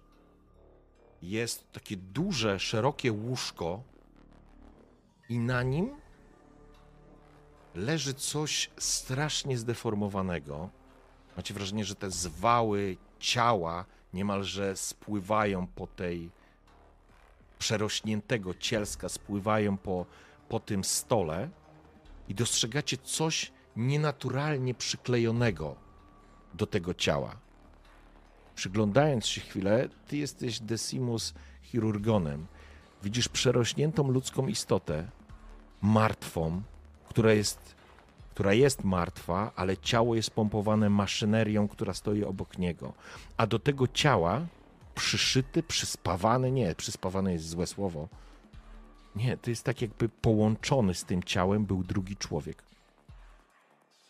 I widzicie, jak ten człowiek, tak jakby byli, trochę wygląda jakby to były siamskie bliźnięta, tylko że to nie są siamskie bliźnięta. To jest tak jakby połączyć przerośnięte, martwe ciało z żywym człowiekiem. I ten człowiek, widzicie, przywieszony jest tak naprawdę przy tym obrzydliwie wyrośniętym cielsku i głaszcze to ciało. I głaszcze. The fuck? Po czym słyszycie głos. Flavio, kochanie, wiedziałem, że wszystko się ułoży. I teraz, Regulus, dostrzegasz na twarzy Primusa niedowierzanie. Wielki pasterzu, to mój ojciec. To coś, to pozostałości po mojej matce. Co on zrobił? Jak Co on... daleko on jest ode mnie? On jest obok ciebie. Obok cie, wy, wiesz, jesteście w kupie, bo wy odchodziliście trochę w głąb. E, teraz dostrzegliście tą całą sytuację. Dobra, ja mu, ja- mu kładę rękę na ramieniu, żeby ewentualnie zapodać albo go Tak. walnąć, albo środki uspokajające. Bo on dokładnie zaczyna tracić kontrolę nad sobą. No, to, to ja go po prostu hamuję. Pytanie, co mi pozwolisz? Czy go walę prądem i go ogłuszam, czy daję mu środki uspokajające? Możesz dać mu środki uspokajające, jesteś chirurgonem, więc tylko go wyłączysz, nie? Po prostu o to chodzi, że ty go wyłączysz. Słuchaj, jeśli ty go nie wyłączysz tak, to ja go wyłączę trochę bardziej skutecznie. E, zawiesiło Staszka. Staszek sam sobie podał środki uspokajające. Tu jest tyle herezji i syfu, że naprawdę ja proponuję tutaj wirusowe bombardowanie orbitalne, nie? Proszę. Ty wiesz co, to Halo, musiało halo. cię smaczek O. ominąć, bo myśmy o tym rozmawiali. Jak, jak ja mówiłem Jest, Staszka, że myślisz o tym, o czym ja, ja nie wiem o czym myślisz, to myśmy rozmawiali, bo jest takie słowo, którego się nie wypowiada. Tak, wiemy. Na E. Wiem, wiem, wiem. Na E. Czas na E. Dobrze, słuchajcie. E, Ten z Harry Pottera, no. więc e, w porządku. Nie, nie robię, kurwa.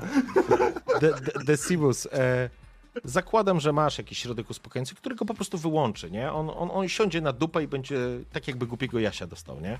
Ale nie krzyknie, bo to, że krzyknie, to jest. To znaczy to, że zrobi coś teraz głupiego, czego, co, czego byście bardzo nie chcieli, jest więcej niż pewne. Święćmy się i spuśćmy na siebie to. Co robisz?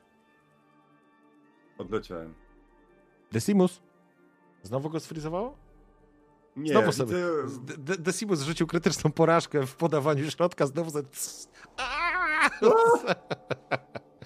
Ojejku. Nie, myślę, że... No, całego ciała. O, o, Czy już o, jest słychać? O, o, O. już, już wrócił. Więc tylko Decimus, zanim cię znowu rozłączy, powiedz mi, e, co chcesz zrobić? Czy podajesz Podać mu to- środek uspokajający. Okej, w porządku. Widzicie, że on po prostu. On już chciał. To znaczy, to był moment. Ręka położyłeś, słyszysz jak środek, to znaczy czujesz jak igła wbija się. On nawet nie jęknął w tym pobudzeniu, ale po chwili środek, z, że tak powiem, go zwiotczył. On, on się osuwa, łapiecie go, żeby nie narobił hałasu. I on taki, taki, taki pozbawiony życia, tak naprawdę e, siada, op, opieracie go o filar.